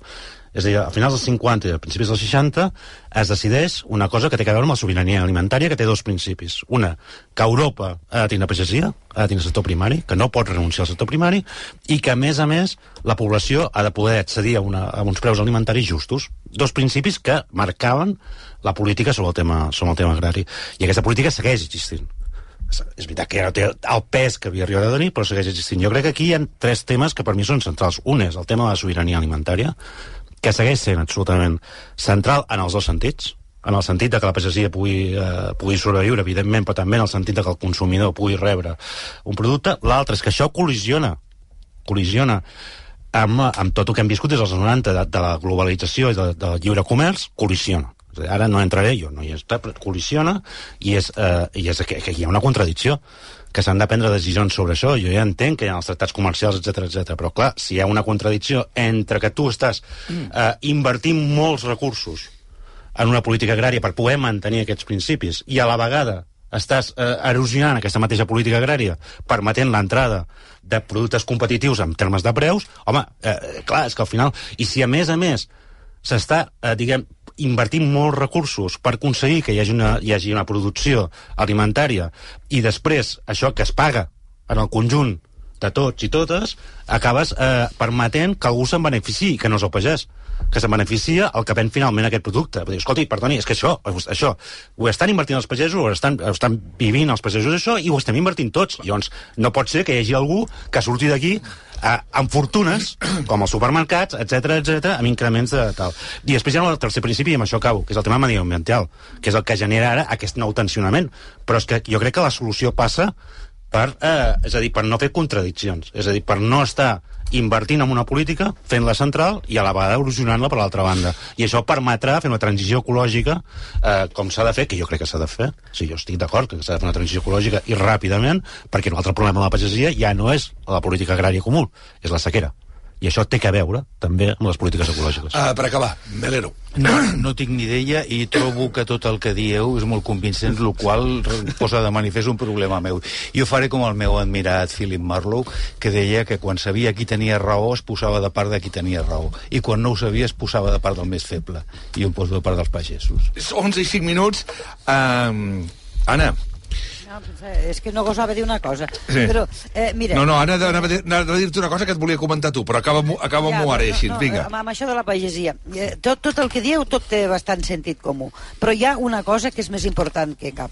És a dir, els governs, tant el català com l'espanyol com l'europeu, han d'anar davant dels esdeveniments, han de preveure el que passarà. El que no pot ser, sota cap concepte, és que sempre els governs reaccionin després de que hi hagi una manifestació al carrer. Per tant, tant la Generalitat de Catalunya com l'estat espanyol com la Unió Europea, amb tots els seus plans han fallat amb una cosa molt important, que és no tenir en compte el productor. I, per tant, és, és, és evident que els governs nosaltres els paguem i els financem i els hi paguem un sou ben a gust perquè ens indiquin cap, al, cap amb el món i ens ajudin a fer aquesta transició, no perquè quan el món ja se'ns ha tirat a sobre, aleshores surtin a dir que ja farem una reunió el mes que ve. Mm. Són les 11 i 6, el que deia. Uh, divendres, uh, que, és a dir, demà passat tornaré, uh, estaré a prop, ara sí, de l'Anna Gómez, ara ja estem radiofònicament, però estaré prop, des d'un punt de vista físic, perquè aquest divendres, dia 9 de febrer, uh, RAC1 celebra el Dia Mundial de la Ràdio. Uh, el món RAC1 serem a la llotja de Lleida, a partir de les 9 i fins a les 12 del migdia, com sempre diem, el primer que arriba, el primer que seu. He de dir que Mira, vaig a dir ja qui, qui ens acompanyarà. I prou, ja s'ha acabat, acabat ja la tonteria i tot plegat. Mira, a la tertúlia, Anna Gómez, Teresa Conillera i Pere Mas, allà a la llotja de Lleida. Home, tres lleidatans. Sí, no, home, dos, dos, dos i mig. El Fèlix, el Fèlix Larrosa, l'alcalde de, el pen cap de, de, de Lleida. Després puja la diva. Puja la diva de rac que és Xavi Bundó, perquè Xavi Bundó, com que és jove, se sent jove, diu, hem de, hem de, vull entrevistar dues velles glòries. I jo dic, bueno, dues velles glòries no, una sí, l'altra encara no.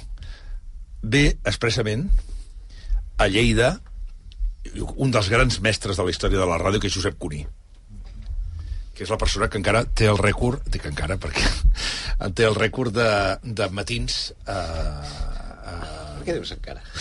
Bueno, perquè tot és susceptible de ser patat algun dia. Tot- tot- tot rècord està per ser bat- evidentment. I, va, I allà farem una tertúlia entre el Xavi Bundó, el Josep Cuní i un servidor per parlar de ràdio. El Cuní estarà allà. Qui més hi serà? Bueno, jo crec que estem parlant d'una de les grans... Eh, de les grans dones de la comunicació catalana, històricament, que la tenim molt oblidada i que va ser important per parlar dels 40 anys de TV3, que és la Maripau Huguet. La gran Maripau ens acompanyarà també a la llotja de Lleida.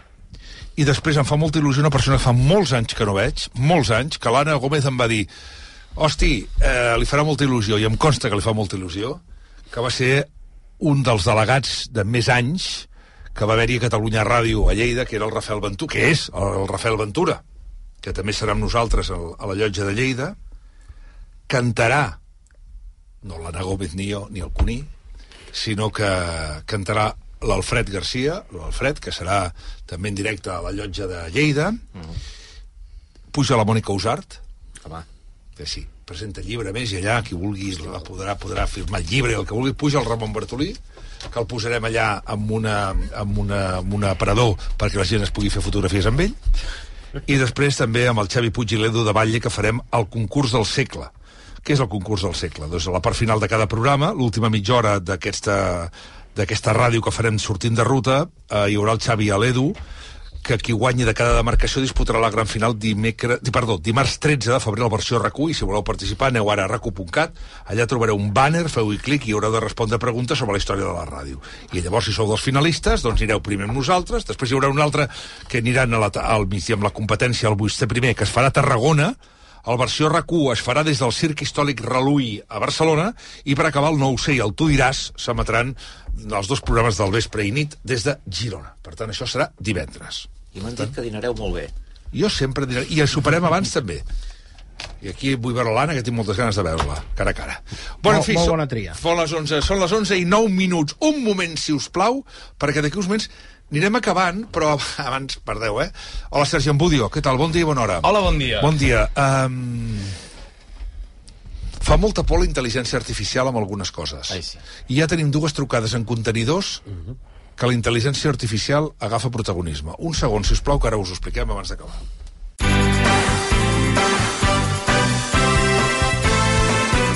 El per què de tot plegat. Quart de dotze, gràcies per estar amb nosaltres una estona més, un segon més a la tertúlia del món a Recup, que avui volem abordar dos casos del contenidor. Uh, Manel Sant Romà, bon dia. Hola, molt bon dia. Hem trucat al professor Sant Romà perquè és expert en ètica i intel·ligència artificial i precisament els dos casos tenen a veure amb això. Fa un temps ja ens imaginàvem que podríem rebre queixes i denúncies dels oients sobre la intel·ligència artificial. Hem de dir que ja veureu que les situacions poden arribar a ser realment grotesques com a mínim. Ja sabeu que si voleu, si teniu algunes coses surrealista o especialment greu que estigueu vivint, tenim el contenidor que us ajuda aquí al món RQ a intentar solucionar el vostre problema. Missatge o nota de veu breu al WhatsApp del programa, al WhatsApp del món RQ, que és el 669 10 10 10, breu, per l'amor de Déu. O bé amb un correu electrònic al món arroba recu.net. Anem amb el primer cas. Gemma, bon dia. Hola, bon dia. El teu té a veure amb un cas d'intel·ligència artificial i informes mèdics. D'on Sí, ets? sí, D'on sí. ets? D'on ets? De Sabadell. De Sabadell. Per què vas anar al metge? Doncs perquè tenia una sèrie de problemes, bueno, estomacals, ja feia temps que arrossegava, i entre altres proves em van, em van dir, bueno, doncs que em fes una ecografia d'abdomen. Val. Això estem parlant de... Quan va ser? Uh, bueno, uh, la doctora Utincop hi vaig anar el 28 de desembre. Desembre, desembre. Suposo que al, al CAP, entenc? Sí, sí, al CAP, al CAP de Sabadell. Què et van dir? Al CAP centre. Bueno, em va dir doncs, que em farien una ecografia d'abdomen Mm. i em van derivar a un, a un centre, un centre d'imatge, doncs, centre d'imatge mèdica digital. A Sabadell. Sí, sí, sí. Quan, quan t'ho van fer, això? Uh, L'ecografia me la van fer el 19 de gener. 19 de gener. És pri... sí. eh, aquest centre d'imatge és privat o públic? Jo crec que és, és privat, perquè sí que treballo en mútues privades, Uh -huh. però m'hi van derivar des, de, des del CAP. Val. Et fan l'ecografia amb normalitat? Sí, sí, sí, ecografia normal. I què? I bueno, doncs em van, em van dir que sí, que tenia bastantes pedres a la vesícula.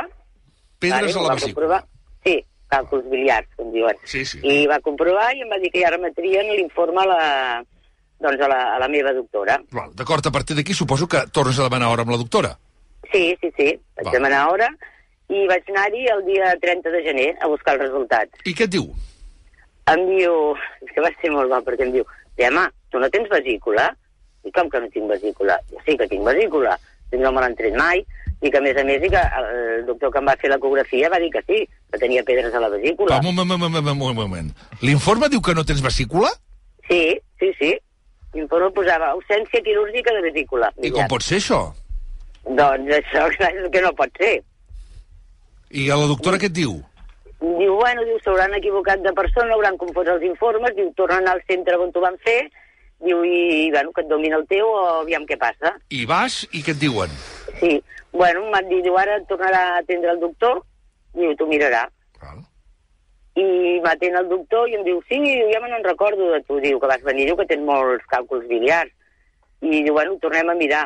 I és que, és que em diu, diu, bueno, diu, saps què passa? Diu, amb aquests programes que tenim eh, avui en dia, diu que l'informe es fa per xat GPT, doncs, bueno, al veure que tenies tantes pedres a la vesícula, va pensar, el cometes pensar, que no tenies vesícula. Per tant, l'informe, que és molt mecànic, el redacta una intel·ligència artificial, Sí, fins aquí tot sí. correcte, però Sí. després no el revisa el metge. No, és el que jo entenc que no. Per a més se'n recordava que havia fet la prova, que tenia els càlculs, però bueno, entenc que ho passen a la màquina i ja està. I la màquina doncs dedueix i pensa que no tinc vesícula. I ara què, Gemma? Tampoc heu començat a tractar les pedres a la vesícula o encara estàs esperant? Bueno, no, ara estic esperant a la, a la visita amb la doctora, que fins aquesta final de setmana no la tinc, i bueno, aviam, no és una cosa que dius, mira, m'hi vagi molt a dir, però sí que s'han de tractar, perquè segurament m'hauran de fer una laparoscòpia. Però el, el cas és aquest, que dius, ostres, jo tinc vesícula. Clar, clar. I, Hòstia, tu, jo tinc vesícula, sisplau. i, i, i sorprèn que, que l'informe posa no tens vesícula perquè, bueno, la màquina ha detectat doncs que no. I ningú ho ha revisat. Clar, Manel Sant Romà, aquí tenim el gran problema, no? Creure que la Sí. intel·ligència artificial és infal·lible, no? Uh, sí, però jo crec que aquí hi ha un problema molt greu de, de comunicació, de com han comunicat a aquesta senyora tot el procés que s'ha seguit amb, els, amb el seu informe. Aquí jo hi veig que, bueno, o sigui, dir literalment, que, que no dubto que li hagin dit que l'informe l'ha fet ChatGPT, eh, jo crec que o bé aquest senyor que li ha dit això eh, li han dit alguna cosa semblant o no sap de què està parlant. Dubto molt, dubto molt que uns professionals, que se suposa que són professionals de la- de l'atenció eh, mèdica, eh, utilitzin ChatGPT eh, altra cosa que per redactar coses que li diuen prèviament. Però ChatGPT agafar una imatge um, i deduir... O, o, ho pots fer, eh? però, però seria una pràctica una pràctica professional, en fi, absolutament denunciable, si fos així, que no crec que sigui així, eh? perquè tècnicament no és, no és evident que, o sigui, que tal com està ChatGPT, eh, bueno, sí que es podria fer, se li ensenya una imatge i que digui el que li sembli, però d'aquí a passar-ho això com un informe que se li doni a aquesta senyora per diagnosticar algun problema que tingui, bueno, em semblaria demencial si això fos així. Que, que, que insisteixo, crec que eh, apostaria que no és així. Ara bé, el que sí que hi ha aquí és una, una manca de professionalitat amb la comunicació eh, del que s'ha fet amb aquesta senyora. En fi, Gemma, moltes gràcies i molts Jo, ànims. vale. D'acord. Gràcies. Gràcies. Gràcies. Segurament, en Manel Sant Romà, els avenços més bèsties i positius que ha comportat la intel·ligència artificial són en l'àmbit científic i mèdic, no? Segurament, sí, sí. Jo he sentit coses dites per professionals que evidentment no estan diguem-ne, la- bueno, evidentment, que no estan en la primera línia de l'atenció i, per tant, de la comunicació amb els malalts, de coses que ells estan veient que són impressionants, no? De dir, eh, això jo ho he sentit i ho he sentit altra gent directament en un, en un debat públic que es va fer fa poc a Barcelona, un professional català que està a l'Hospital General de Boston diu el problema que tenim ara diu no és tant eh, que, que les màquines diagnosti o sigui, diagnostiquin, interpretin millor el que veuen en, en, una imatge, en una imatge clínica, en una imatge mèdica, perdó, eh, sinó que veuen, eh, veuen aquestes coses que veuen, eh, que nosaltres no veiem, poden tenir un impacte a la llarga, no? És a dir, una, una ecografia o una mamografia o el que sigui, eh, els humans no hi veiem res, i per tant diem aquí no passa res, i en canvi la màquina diu eh, certament en aquests moments no hi ha res, però la probabilitat de que hi hagi alguna cosa d'aquí dos anys és altíssima, no? Mm. Llavors, què fas? No? Mm. Però aquest és un problema de la interacció del, de, de, diguem-ne, dels professionals de la medicina amb aquestes noves tecnologies, efectivament. Val. Anem al segon cas. I aquest Sergi té molta, molta, molta tela i aquí reclamo, per exemple, el Tian Riba que m'ajudi. Vale. Sergi, explica, de què estem parlant? A veure, estem parlant d'un concurs per eh, dissenyar un nou logotip d'una entitat de Vilassar de Mar, l'entitat de comerciants que es diu Vilassar Comerç. Val. S'obre un concurs públic a tota la ciutadania, amb una convocatòria en què s'anuncia dient si tens habilitats de disseny gràfic i una visió creativa, aquest és el teu moment d'excel·lir i guanyar un premi emocionant. Aquest premi, per cert, era a 500 euros en efectiu. Val? I a les bases del concurs es demana que sobretot es presenti un logo creatiu, original i inèdit. Aquests tres conceptes que Apreta ara d'aquí una estona hi haurem de tornar. Diu, el logo guanyador serà aquell que millor compleixi amb els criteris d'originalitat, creativitat i idoneïtat per la nostra comunitat. Hmm. S'hi presenten eh, desenes de dissenys sí. i el 7 de novembre passat a Instagram, aquesta entitat de comerciants de Vilassar de Mar, que per cert és una entitat privada, però com moltes entitats de molts pobles i ciutats de Catalunya rep finançament eh, públic per eh, tirar endavant totes les campanyes que tira, però bàsicament és una associació de comerciants, el 7 de novembre anuncia el logo guanyador. Ja tenim el logo guanyador del concurs i el pengen a Instagram que l'he imprès per si el Tian o qualsevol dels tertulians sí. ho vol veure, però bàsicament per explicar-ho, tu, Jordi, també el tens al català passat, sí. és un cercle fet Amb puntets. Un cercle amb molts un puntets, cercle sí. amb puntets I i, colorets. i, diferents colorets. Un moment, Tian, em pots Sí, el- home, qui no, vols? Tot- posa'm els altres, tots, tots els altres. els Sí, sí, sí. Vinga, va. va. Anem- anem al gra, va. Llavors, Ah. què passa? Aquí guanya aquest, molt bé, molt bé, molt bé, cap problema. Bueno, una de les participants, que és la que s'ha posat en contacte amb nosaltres i que ha perdut el concurs, per les raons que sigui, ella, que és dissenyadora gràfica i que està acostumada a treballar amb eh, documents digitals, diu que li sona una miqueta aquest disseny, que és el típic disseny que pots trobar per internet i fa allò de cercar a Google amb imatge. Que tu enganxes una imatge, cerques una imatge i el Google et diu d'on pot venir allò. I la sorpresa que es troba és que exactament el mateix disseny, però amb colors diferents, és, per exemple, el que té una empresa que dissenya sistemes eh, interns informàtics eh, per altres empreses, que és d'Alberta, al Canadà, una empresa de, online de maquillatge de no sabem quin país de Sud-amèrica que es diu Depth, que en aquest cas és de color verd, una empresa de coaching de Brussel·les, amb un altre color, però exactament el mateix disseny dels Podem confirmar, puntets. Xavi Domènech i Melero, que esteu al costat, que són iguals? Sí, I aneu veient, eh? Són Però- però exactament està, iguals. Està distribuït per països, la còpia. És a dir, no competeixen en un mateix país, no? No. Clar. Després hi ha una agència de Bèlgica, que és exactament el mateix. També fins i tot tenim un fons antirepressió per protegir dissidentes, inmigrantes y otras personas agredidas, detenidas, enjuiciadas o encarceladas por colaborar con el movimiento anarquista, que també té el mateix color amb un to mm, granatós. Home, I clar. també hi ha una empresa que es diu Plastical, entre tantes d'altres, perquè són desenes, perquè hem pogut entrar a tots els enllaços, ho hem comprovat, no són captures de pantalla, sinó que són enllaços de perfils de Twitter, perfils de Facebook i pàgines web de les pròpies empreses. Per exemple, n'hi ha una altra, aquesta que es diu Plastical, que en aquest cas és d'Alabama, als Estats Units. I d'on surt l'origen? L'origen és una eina, que això ho hem pogut descobrir, perquè tot això ve que també vam descobrir que hi ha una empresa de Portugal que és bàsicament una botiga de rentadores, que també té aquest logotip amb un to verd, eh, blau, I llavors, turquesa. aviam, on volen anar amb això? Llavors ens vam, vam poder-nos posar en contacte amb l'empresa de Portugal que ens va confirmar que ells havien fet el disseny amb una eina gratuïta que trobes per internet i que en qüestió de 30 segons o un minut tu li indiques una mica el que vols, dinàmic, fresc, sí, rodó i tal, tal, tal, i et Està surt fet amb intel·ligència artificial. Per tant, per una- per una empresa de rentadores de Portugal. I aquí Bueno, surt l'empresa de rentadors de Portugal va utilitzar la mateixa Sí. eina que Ah. van utilitzar en aquest concurs públic en el qual es van rebre desenes de, de Home, propostes de dissenys. Les rentadores ho entenc, però els anarquistes també volien algo fresc i dinàmic. Va, Què, què passa? Que sí. Una eina, per cert, que es Total, diu... que no és ni que creatiu, ni original, ni inèdit, seria una mica el resum. Intel·ligència artificial. intel·ligència artificial. I aquí, clar, per una banda hi ha les queixes dels de, participants que diuen que hi ha gent que ja ha invertit temps, que es demanava fresc, inèdit i tal, i que és un disseny fet amb intel·ligència artificial, i després hi ha una altra queixa perquè hi han certes sospites sobre la guanyadora. Ah. El 11 de gener, la mateixa entitat, Vilassar Comerciants, penja a Instagram, diu la guanyadora d'aquesta proposta, d'aquest logo biodinàmic i adaptable, es va presentar sota el pseudònim de Flop, i és, i anuncien un, la inicial del seu nom i el seu cognom. Resulta que aquesta persona és la dinamitzadora d'aquesta entitat.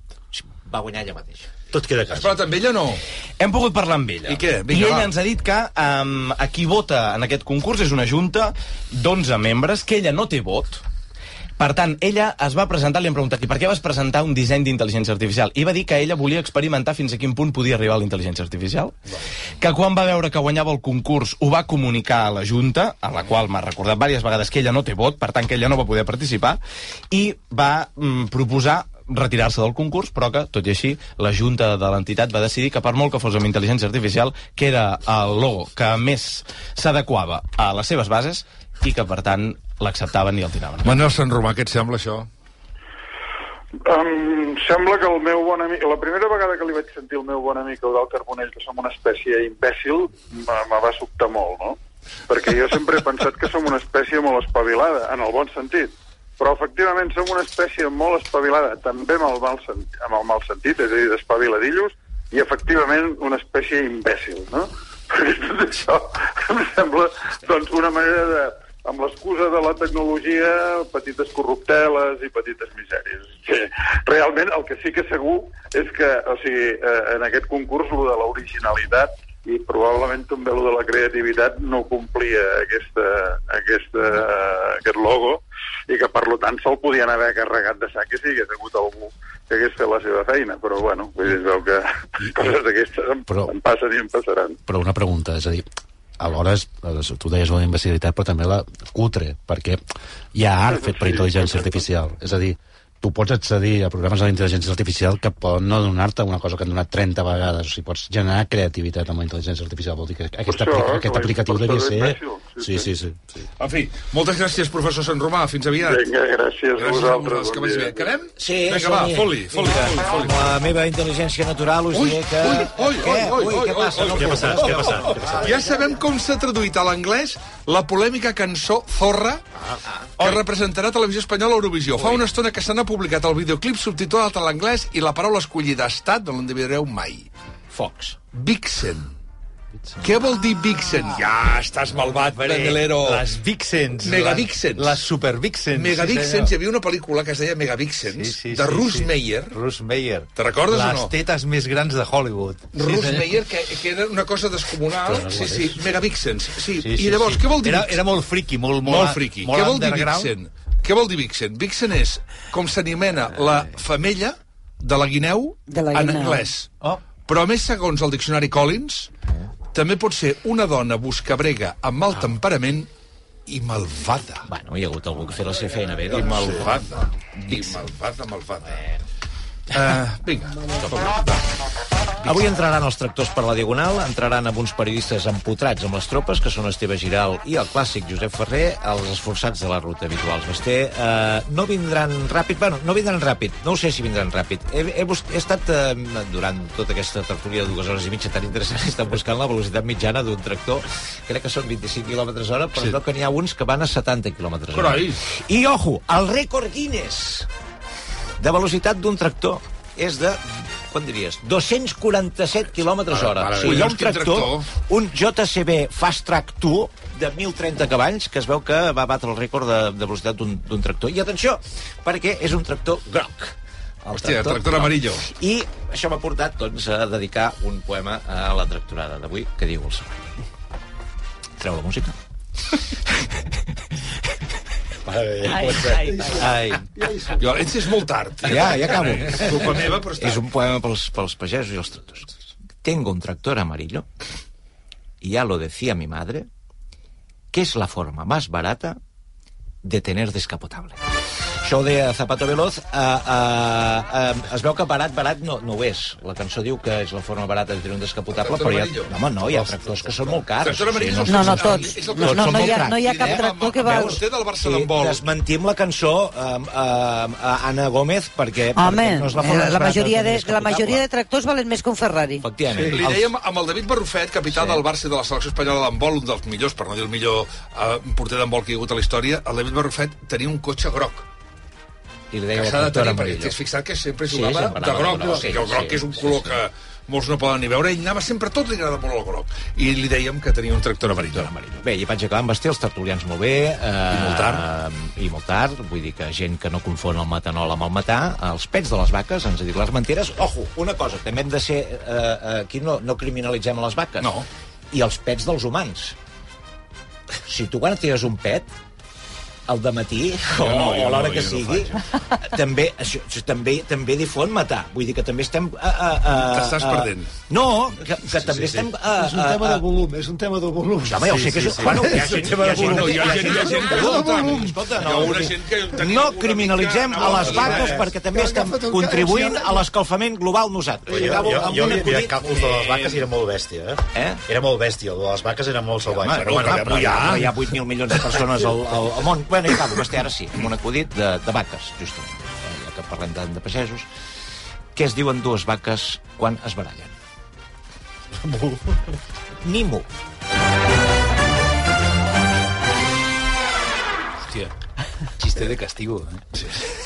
Aviam, Àlex Huguet, com està el trànsit? Bon dia. Bon dia, doncs a poc a poc es van acostant les marxes lentes a la capital catalana i sembla que per ara compliran amb l'horari previst d'arribar al migdia o primera hora de la tarda i tallar els accessos a la ciutat. Per ordenar una mica el mapa, recordar que a banda d'aquestes marxes es mantenen els tractors als talls d'origen en diversos punts, com l'AP7 a l'Aldea i a Sant Julià de Ramis, a l'A2 a Fondarella, a la C16 a Sant Fruitós o a la C17 a Vic, Gurb i Masies de Voltregà. Pendents, com dèiem, d'aquestes marxes, la de l'A2 fa una estona que ha passat Igualada i està arribant al Bruc. A l'AP7 continua entre Sant Jaume dels Domenys i l'AP7 i baixant des de Girona, ara pel tram de Sant Celoni i a la Catalunya Central van ja per Castellvell i el Vilà a la C16 i pels hostalets de Balanyà a la C17. Per tant, les vies més afectades ara són en general les carreteres eh, comarcals o locals per accedir en aquests trams que ara mateix estan afectats en aquestes marxes lentes, això sí, sense generar massa congestió en aquests trams, principalment perquè tothom està eh, al, a- al, al cas d'això que, està, que està passant. I de moment, el que fa l'àrea metropolitana, metropolitana de Barcelona a aquesta hora és estar força tranquil al panorama a l'espera que arribin aquestes marxes lentes. I de moment és tot des del RAC. Bon dia, gràcies, Àlex Huguet. Eh, Melero, li posem música abans de que arribi la Poll, sisplau. Abans, doncs mira, avui, abans... Eh, La Poll la farem després. Vale, vale. Melero, endavant. Eh, Perdó.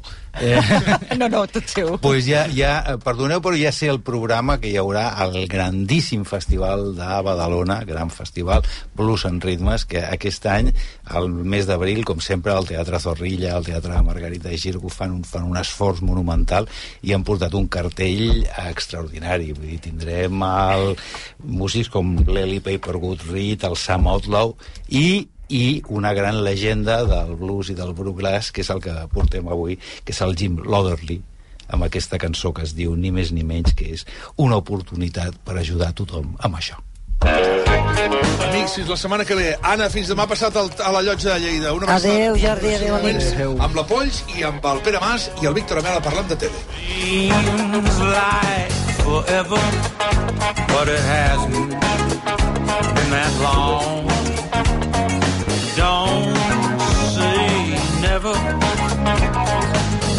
Ever be that strong.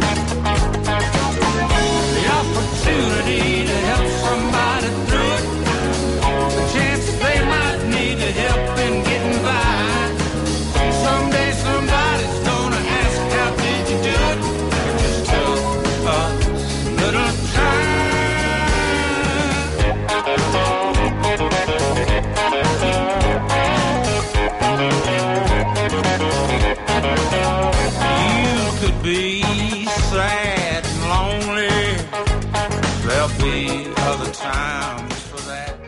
Banc Sabadell t'ha ofert el perquè de tot plegat. Sabadell, necessites un banc? Locutare una pubblicità per la radio con un catalano che pensa che sape parlare bene l'italiano non è una cosa molto corrente, ma che una conti corrente ti dà tantissimi vantaggi non è corrente tampoco. Compte Sabadell, el compte corrent menys corrent. Informa Dani Festa client a bancsabadell.com.